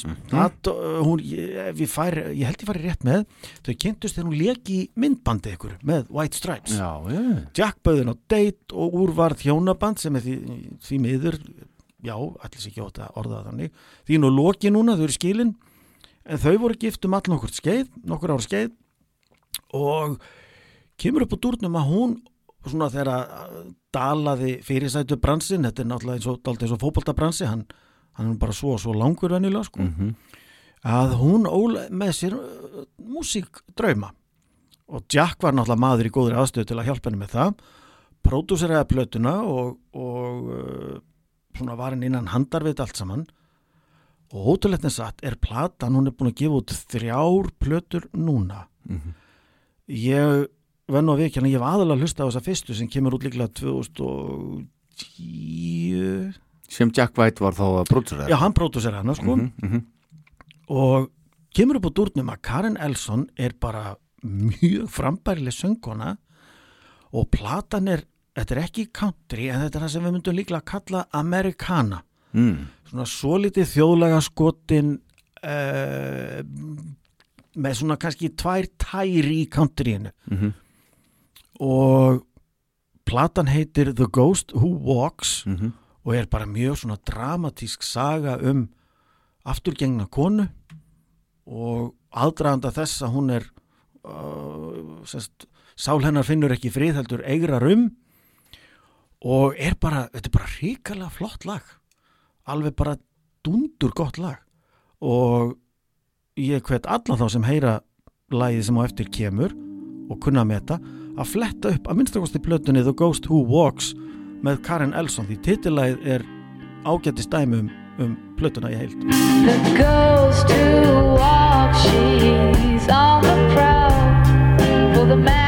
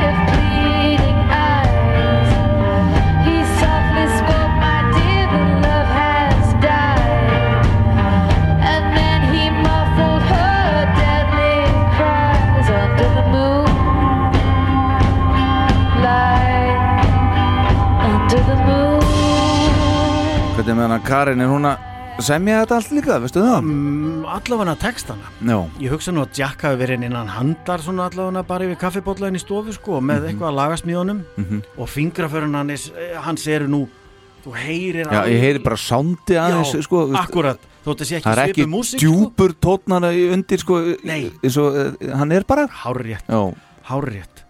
En þessi plata allan, hún kom út 2010, það var rétt hjá mér. Mhm. er bara hörgu skemmtileg. Fyrir þá sem fíla svona já, að því ég er ekki með betra orð fyrir stefnuna Americana, já, þá er þessi plata bara alveg skotelt Mhm. og, og fer vel einhvern veginn þessi hljóðheimur við dramatíst umfyllunarefni þarna sko. Já. Heldur betur.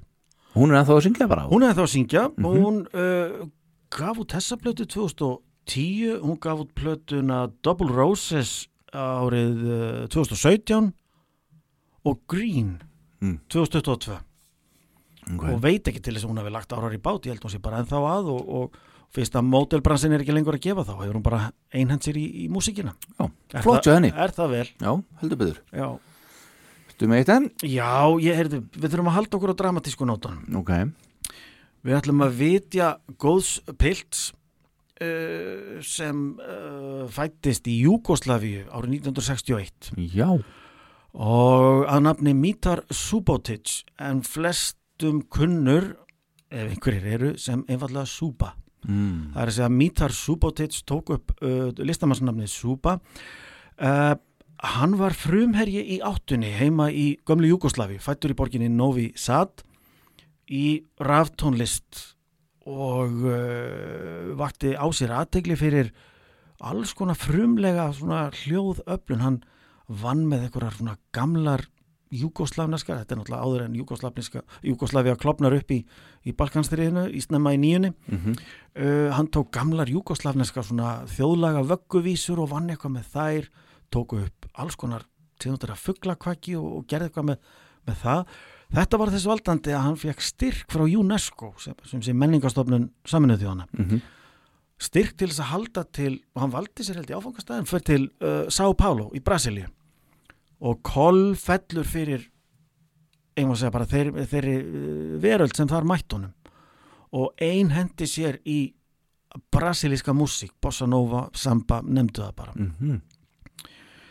hann fer til São Paulo árið 1990 og verður mjög svona fljótlega kreðsunni í São Paulo að góðu kunnur vinnur með mörgum þekktum tónlistamönnum og verður bæði þekktur og eftirsóttu pródúser, plötusnúður í bland og þegar líður á nýjuna þá ætlar hann að gefa út plötu. Og hann sapnar í plötu sem kemur síðan út um, ég man nú ekki hver 1999 og heitir São Paulo Confessions. Mm og hennar var beðið með talsverðri eftirvæntingu og ég man að poppressan svona talaði um að, að, að hérna undrabatni frá, frá São Paulo Suba væri að fara að gefa út sólóplötu það gerist hins vegar kvöldið sem útgáfu partí plötunar er haldið að það kemur upp eldur í stúdíónu þar sem upptökurnar eru geimdar marga hverjar og í örvendingu sinni hleypur Suba inn í eldhafið að reyna að bjarga upptökunum en á ekki afturkvæmt og ferst í eldinu Hvað er þetta að segja? Já, Já, það er nú ástæðan fyrir því að, að ekki var kannski lengri ferill en Suba eða Mítar Subotic er enn með svona nánast góðsagnakenda áru yfir sér, það er að minningans í São Paulo 2002, þreymur árum eftir andlandast þá kom út svona tributplata sem heitir Tributo og þar eru Bebel Gilberto hérna dóttir þess fræga Bossa Nova Kongs Sjá Gilberto og fullt, fullt, fullt af fleiri tónlistamönnum að, að svona votta virðingu og flytja lög. En platan São Paulo of Confessions er algjörlega stórkostlega flott sko. Fyrir þá sem vilja fara aðeins lengra aftur í svona heimstónlistalega pælingar og þetta er eina af örfáum kannski tveimur að þremu plötum sem ég hef sendt vini mínum og nágrann okkar átna Mattiasinni og fengi svörin tilbaka sérst annars vegar, ég hef aldrei hert þetta áður og þetta er frábært. Það gerist nú ekki á hverjum degi. Og ég man að löngu setna eða þú veist, talsverðu eftir að ég senda honum þú veist, ábendingum þessar plötu þá ég man ekki annarkvort fekk ég líklega bara SMS sem hljóðaði svo Súpa er maðurinn. Svo morgu voru þau orð sko. En platan er ríkalega flott og það er í henni svona uh, og hún kom út bara veist degi eftir eða hvað það var eftir að, að hann ferst í þessum bruna sko. Og það er í henni svona þetta eru bæði róleg og aðeins hraðari lög. Og það er alltaf sko alltaf smá hérna treyji í sambanu en um leið pínu samba í treganum ef við getum orðað þannig. Mm og lægið sem ég valdi er er reynd og, þetta er ekki danslag, þetta er reynd og klárt hljóðeinangrandi headphone-lag og eins og ég nefndi, platan kemur út 99, allir ég hef ekki heyrt hann fyrst svona kannski 2001, 2003 eitthvað svo leys, ég man það nú ekki. Og enn þann dag í dag þegar djúpu strengirnir á kontrabassanum hrinja inn í lagið þetta er engin hamagangur að háfa því en þrúandi bassin sem dettur hérna inn og það skal ekki bregðast að hárin á framhandlækjunum standafætur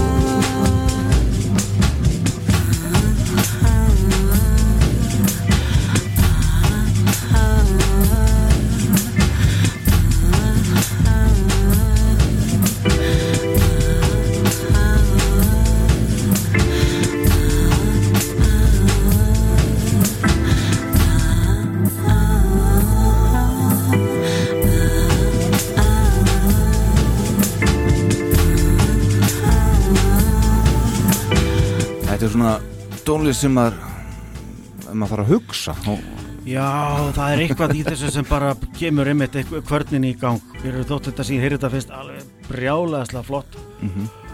Eh, og ég get alveg hvitt að undir að platan eh, hérna Sá Paulo Confessions er ekki endilega léttmeti en allir sem myndu gefa sér að þessari músík myndu náði, þú veist ok, þetta er ekki það sem ég lusta frá degi til dags en ég skil og ég heyri að þetta er vandað efni sko. Mhm. og mér finnst hún alveg frábær þessi plata algjörlega frábær. Mitt Takk fyrir þetta Jón. Jú, takk. Herðu, við erum komin í tvo tíma. Yes. Þannig við erum að fara að ljúka þessu. Ég hérna er nú um, skulum taka eitt rándi við bót Gjarnan. Er það ekki? Jú. Það sem ég ætla að spila núna er uh, hljómsveit sem stopnuð var í Stokkólmi ég er búin að vera svolítið þar svona í Norðurlandunum og svona Það hefur verið skandinavísk slagsíða á þér. Já, ég bara fatta það núna. Eh, Það er gott, það er gott. Uh, Svíþjóðjú árið 1983 uh, hún starfaði til ársins 1988 Þetta var sum sé uh, hljómsveit uh, sem hétt Imperiet. Já, þetta var stort band Það var uh, hliðarverkefni frá sænsku pöngsveitinni Ebba Grön sem naut tels verða vinselda í heimalandi sínu sérstaklega. Eh, Þeir gáfu út eh, þeir í Imperiat allavega fimm breyðskifur og nokkrar liveplötur.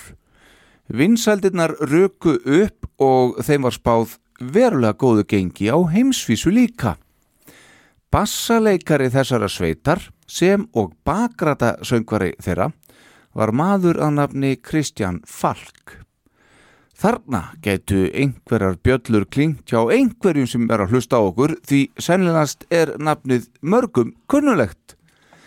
Kristján þessi Falk vann nefnilega nokkuð með okkar manni Bubba Mortens sem dæmi.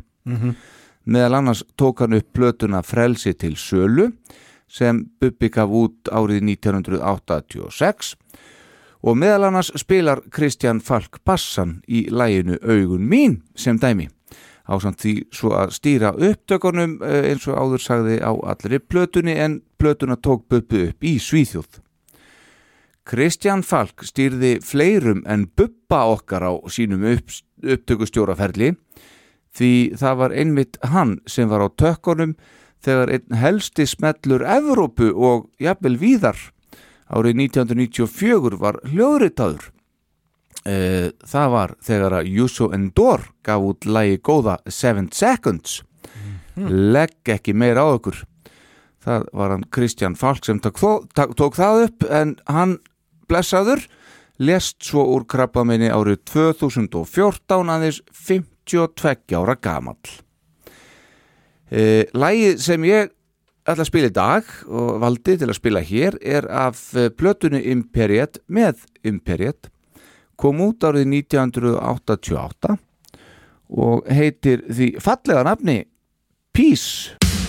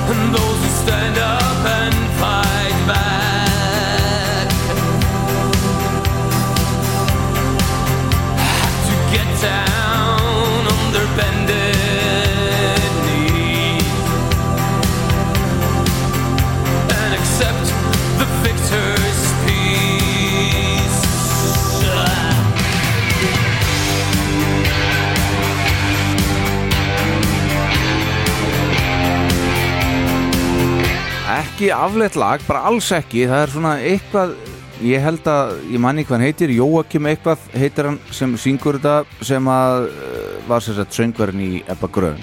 Pönksveitinni, mm. -hmm. þetta er svona pönkar er að reyna að nútímavæðast í ykkur Já, já. Og svona næri ekki alveg gegn svona röddin og söngurinn finnst mér. En, en lægið er enga síður fínt og ég vilja heyra þetta bara coverað af, af einhverjum öðrum eða, eða þá einfallega einhver annar hefði sungið þetta sko en Já, það, maður tekur ekki svo glatt. Og getur tekið mannin úr pöngsetinu og tekur pöngið ekki úr mannin ja, pínu þannig sko. Já, nákvæmlega. En það er fullt í þessu. Já, já, já. og hérna þeim var sem sagt uh, spáð í heimalandinu. Góðu gengi elendis en, en það var það ekki. Nei, nema náttúrulega Kristján Falko þetta og hann náttúrulega búin að gera stórkoslega hluti með, með okkar manni Bubba til dæmis aug, augun mín sem er og, og frælsi til sölu, bara alla blötuna frábært frábært plata. Og svo náttúrulega þetta hérna, þessu ég mittst á.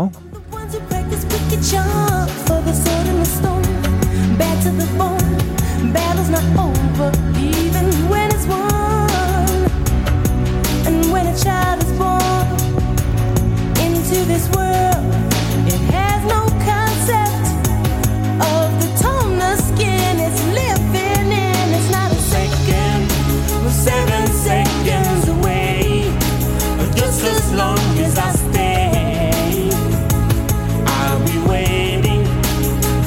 ég man ég sá Jútsjóðan Dór á Reykjavík Music Festival árið 2000 í lögðarsöllinni já, það var stórkoslegt já. Það var eins og einhver bara guð almáttuður væri á sviðinu. Þetta, hann náði öllum með sér einhvern veginn, þetta var frábært atriði. Bara opinberun. Já, Já, og ég, veist, ég get ekki bjarga lífi mín að nefna annar lag með honum sko, en hann, veist, ég hlusta alla tónleikar og hann náði mér allan tíman, þetta var Já. frábært sko. magnað. Já. Magnað. Herðu, já, já, þá ert þú með hvað, ykkur tvö áður en að við slútum þessu? Já, mhm, og uh, annað en nú band sem uh, þetta sem ég ætla að vaða í næst. Mhm. Uh, Þetta er band sem vakti talsverða aðtegli á sér þegar fyrsta platan kemur út 2010 svo plata heitir Crazy for You. Mhm. hljómsveitin heitir Best Coast. Mm.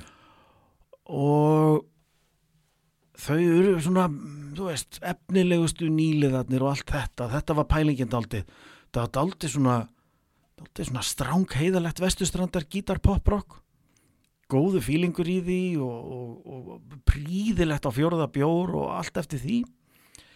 En einhverju hluta vegna þrátt fyrir sko mjög fína lagasmíðar og, og almenn bara gæði þá þau eruðu aldrei, þetta er duett vel að merkja hérna Bethany Cosentino og Bob Bruno og uh, þau svona sko, þeim tókst aldrei að varpa af sér skikkjunni vænlegasti nýliðin eða efnilegasti já, já. Hérna- bjartist á vonin bjartasta vonin takk, mjög gott þannig að þrátt fyrir, þrátt fyrir ítrekku gæði og góða framistu Mhm.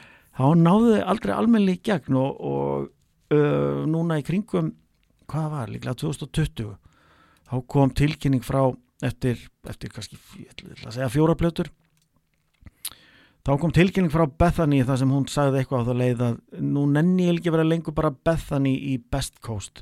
Ég ætla að leggja þessu bandi og uh, sjá hvað hvað ég nægi að gera bara upp á eigin spýtur. Ég hef ekki haft neina spurnir af því hún er kannski bara ennþá að, að, að æfa sig og semja og eitthvað svo leis Mhm. mögulega hefur hún gefið eitthvað út ég, þá hefur það aftur farið undir ratarinn Mhm. en þetta band er sko hvernig á ég orða þetta? Í einhverjum, einhverjum hugtökum sem eru mér töm. Þú sem þekki mig, þú veist að ég kann alveg að meta flókin koktel og eftir því. Mhm. þessi músík er stráng-heiðalegur amerískur vestustranda lager en það er einhver einn humall í mixinu sem gerir það bara áhugavert.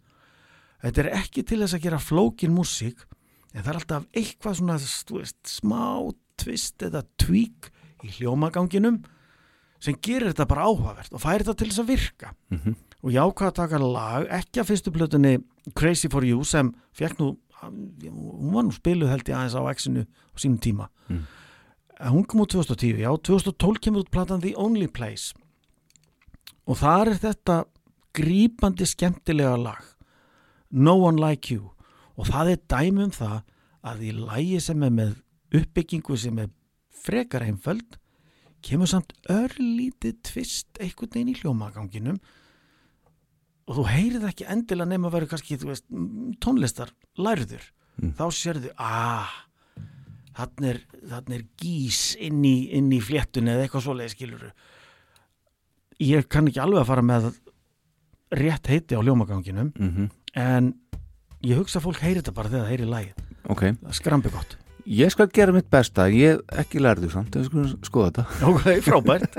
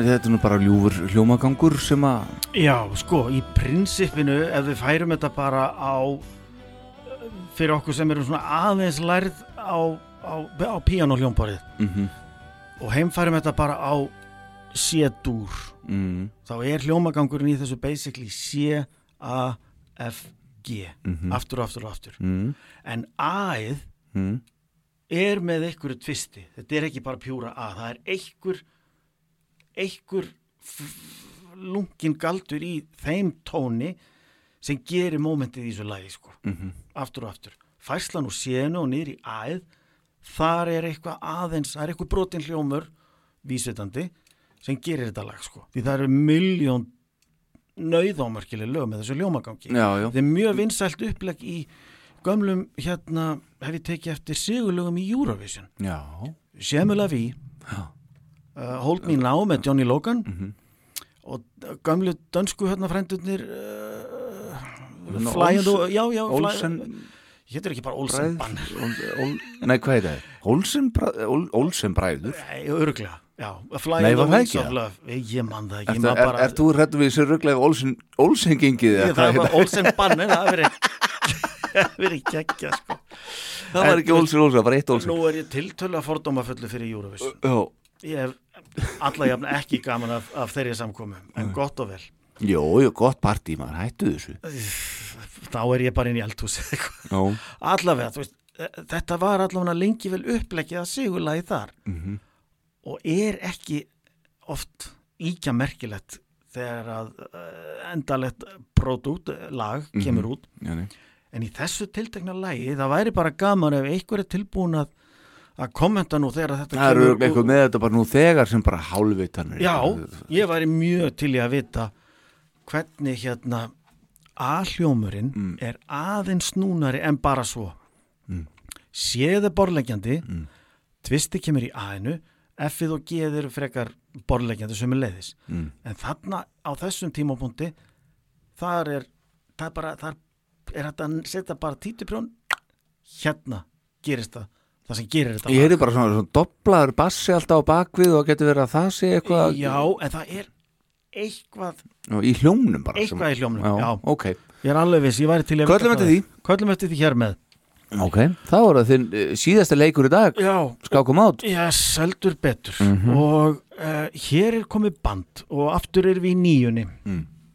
uh, Ég rak augun í það Litla auglýsingu eins og var nú í Breskum popblöðum Þetta er væntalega verið bara The Face Ég kefti það mikið á sín tíma Það sem var mynd af plötu umslægi sem óneitanlega greip auga mitt mm -hmm.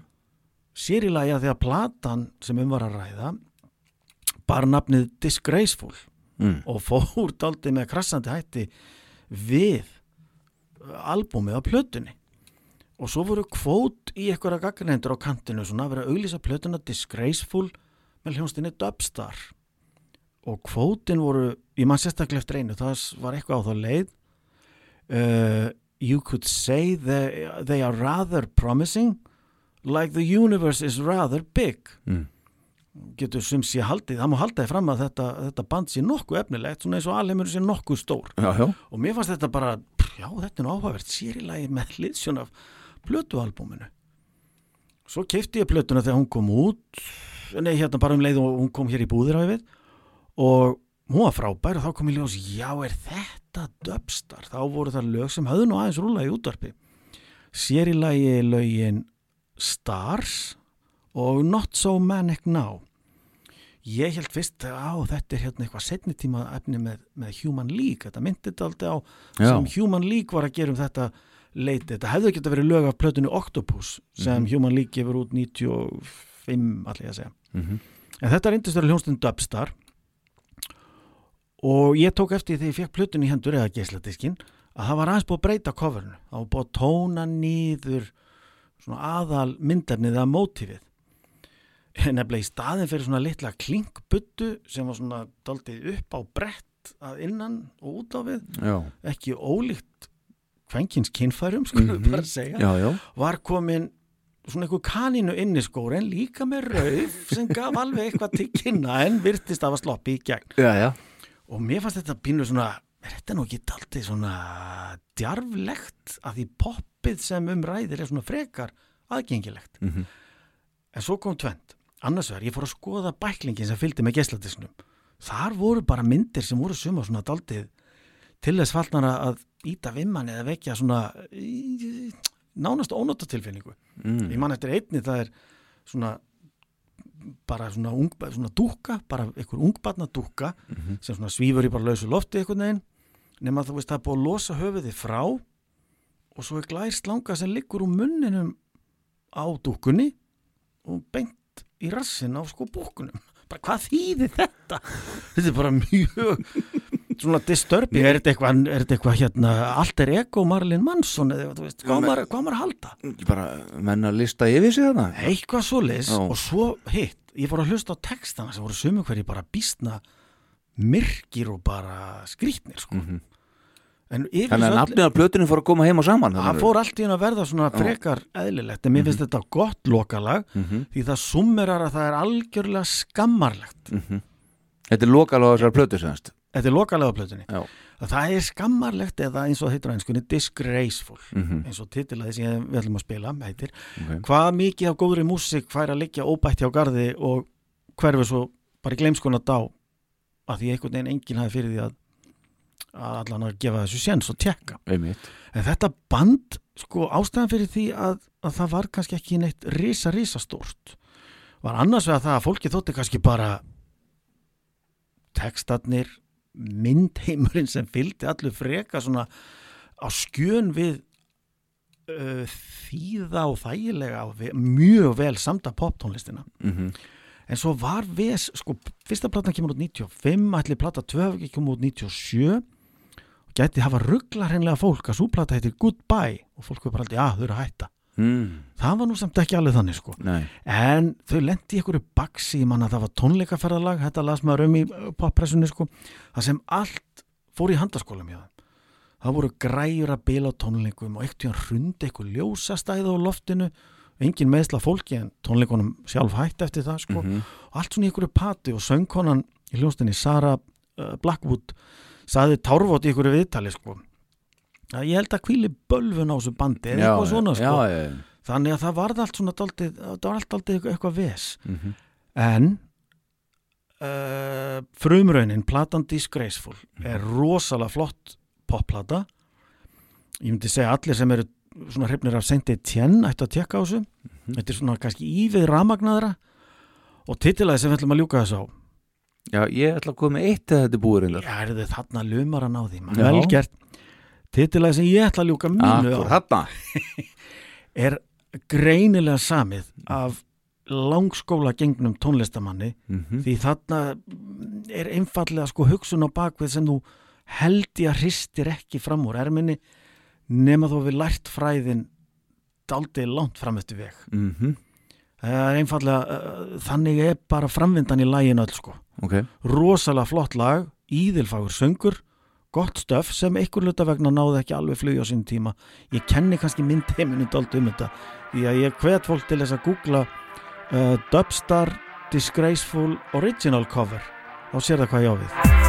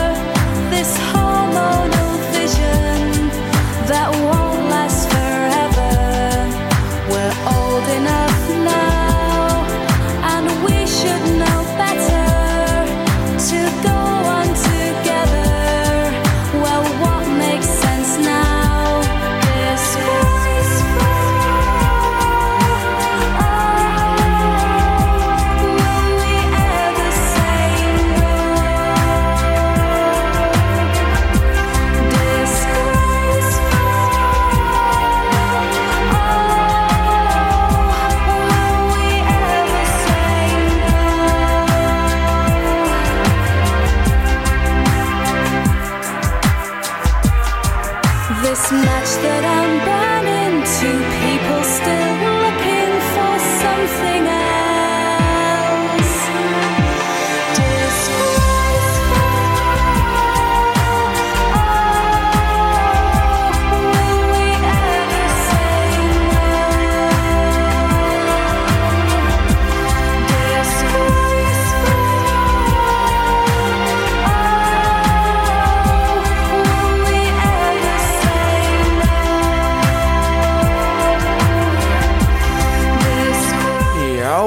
Jón Agnar, þú ert búin að vera jú- mjúki maðurinn í kvöld. Já, svona í og með. Að mestu? Já, já, já, ætla mig ekki alveg að halda því fram. Mhm. Þú svona tormeltin á milli en, Já, já, já, já, en fyrst og fremst vandaefni myndi ég vilja halda. Er það ekki? Ég myndi vilja halda það. Já, þá ætla ég að ljúka þessu á nákvæmlega þann hátti líka maður. Já, En var þetta ekki bara búið að vera fínt samt? að vanda. Jónsmessa 5? Já, bönd sem að fóru undir radarinn. Að meira að minna leiti Já, einmitt, já. og fyrir mismunandi ástæður. Af hverju eru þau ekki U2 eða Metallica? Skilur, þetta er svona portisett eða eitthvað svona reysa Akkurat, Mhm. akkurat. Einmitt.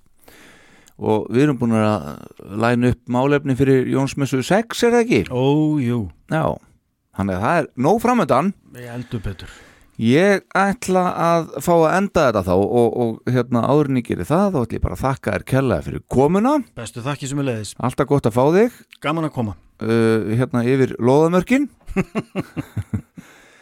En maður nú sjá uh, Það sem að ég ákvaða að velja hér er hljómsveit sem að er stopnuð í Syracuse í New York fylki Bandaríkjana árið 1981 Uh, hljómsveitin heitir Masters of Reality. Aðalsbrauta sveitarinnar gítarleikari, söngvari og aðal lagahöfundurinn er snillíkurinn Chris Goss sem áður hefur komið við sögu hér í Jónsmessu. Mikið rétt. Hann er jafnframt eini meðlimur bandsins sem hefur verið í sveitinni frá upphafi. Nafn sveitarinnar er fengið frá sjálfum Black Sabbath en eins og flestir vita þá heitir þriðja hljóðversplata þeirra einmitt Masters of Reality. Uh, og hún kom út tíu árum áður en þetta band að stofna, það er 71 Masters of Reality er klálega eina mínum uppáhalds hljómsveitum og mér finnst í raun algjörlega með öllu óskilanlegt að þessi hljómsveit sé ekki stærri en hún er á heimsvísu. En það er ekki endilega hlutlust matuð þetta Þeir hafa gefið út sex hljóðursplötur, svo fyrsta kom út eh, 1988 og svo síðasta kom árið 2009 og því löngu orðið tímabært að koma með eins og eina breyðskifu úr hljóðverinu. Ef þú spyr mig, þá er það klárt að komið tíma það. En þeir hafa svo reyndar gefið út líka allavega tvær liveplötur á samt einhverju öru stöfi. Þeirra allra besta plata er að mínu mati svo sem var önnur í rauðinni, platan Sunrise on the Sufferbus sem skartaði sjálfum Ginger Baker heitnum á trommunum en þá plötu trommaði gamli maðurinn gjössamlega óað finnanlega. En þar sem að við um heyrt lag af þeirri plötu hér í Jónsmessu þá ætla ég að spila hér í lag í dag sem er af þeirra fyrstu plötu. En reyndar uh, var því ekki bætt við fyrir ná endurútgáfu hennar uh, árið 1990, tveimur árum eftir hún kom út fyrst. Lægið er reyn og tær snild. Það heitir Doroldinas Prophecies. Og Jón Agnar, takk kærlega fyrir og ég hlaka til að hitta á því hér í Jónsmessu nr. 6. Hlaka til sem er leiðis Hlusta á þessa snild. Good morning.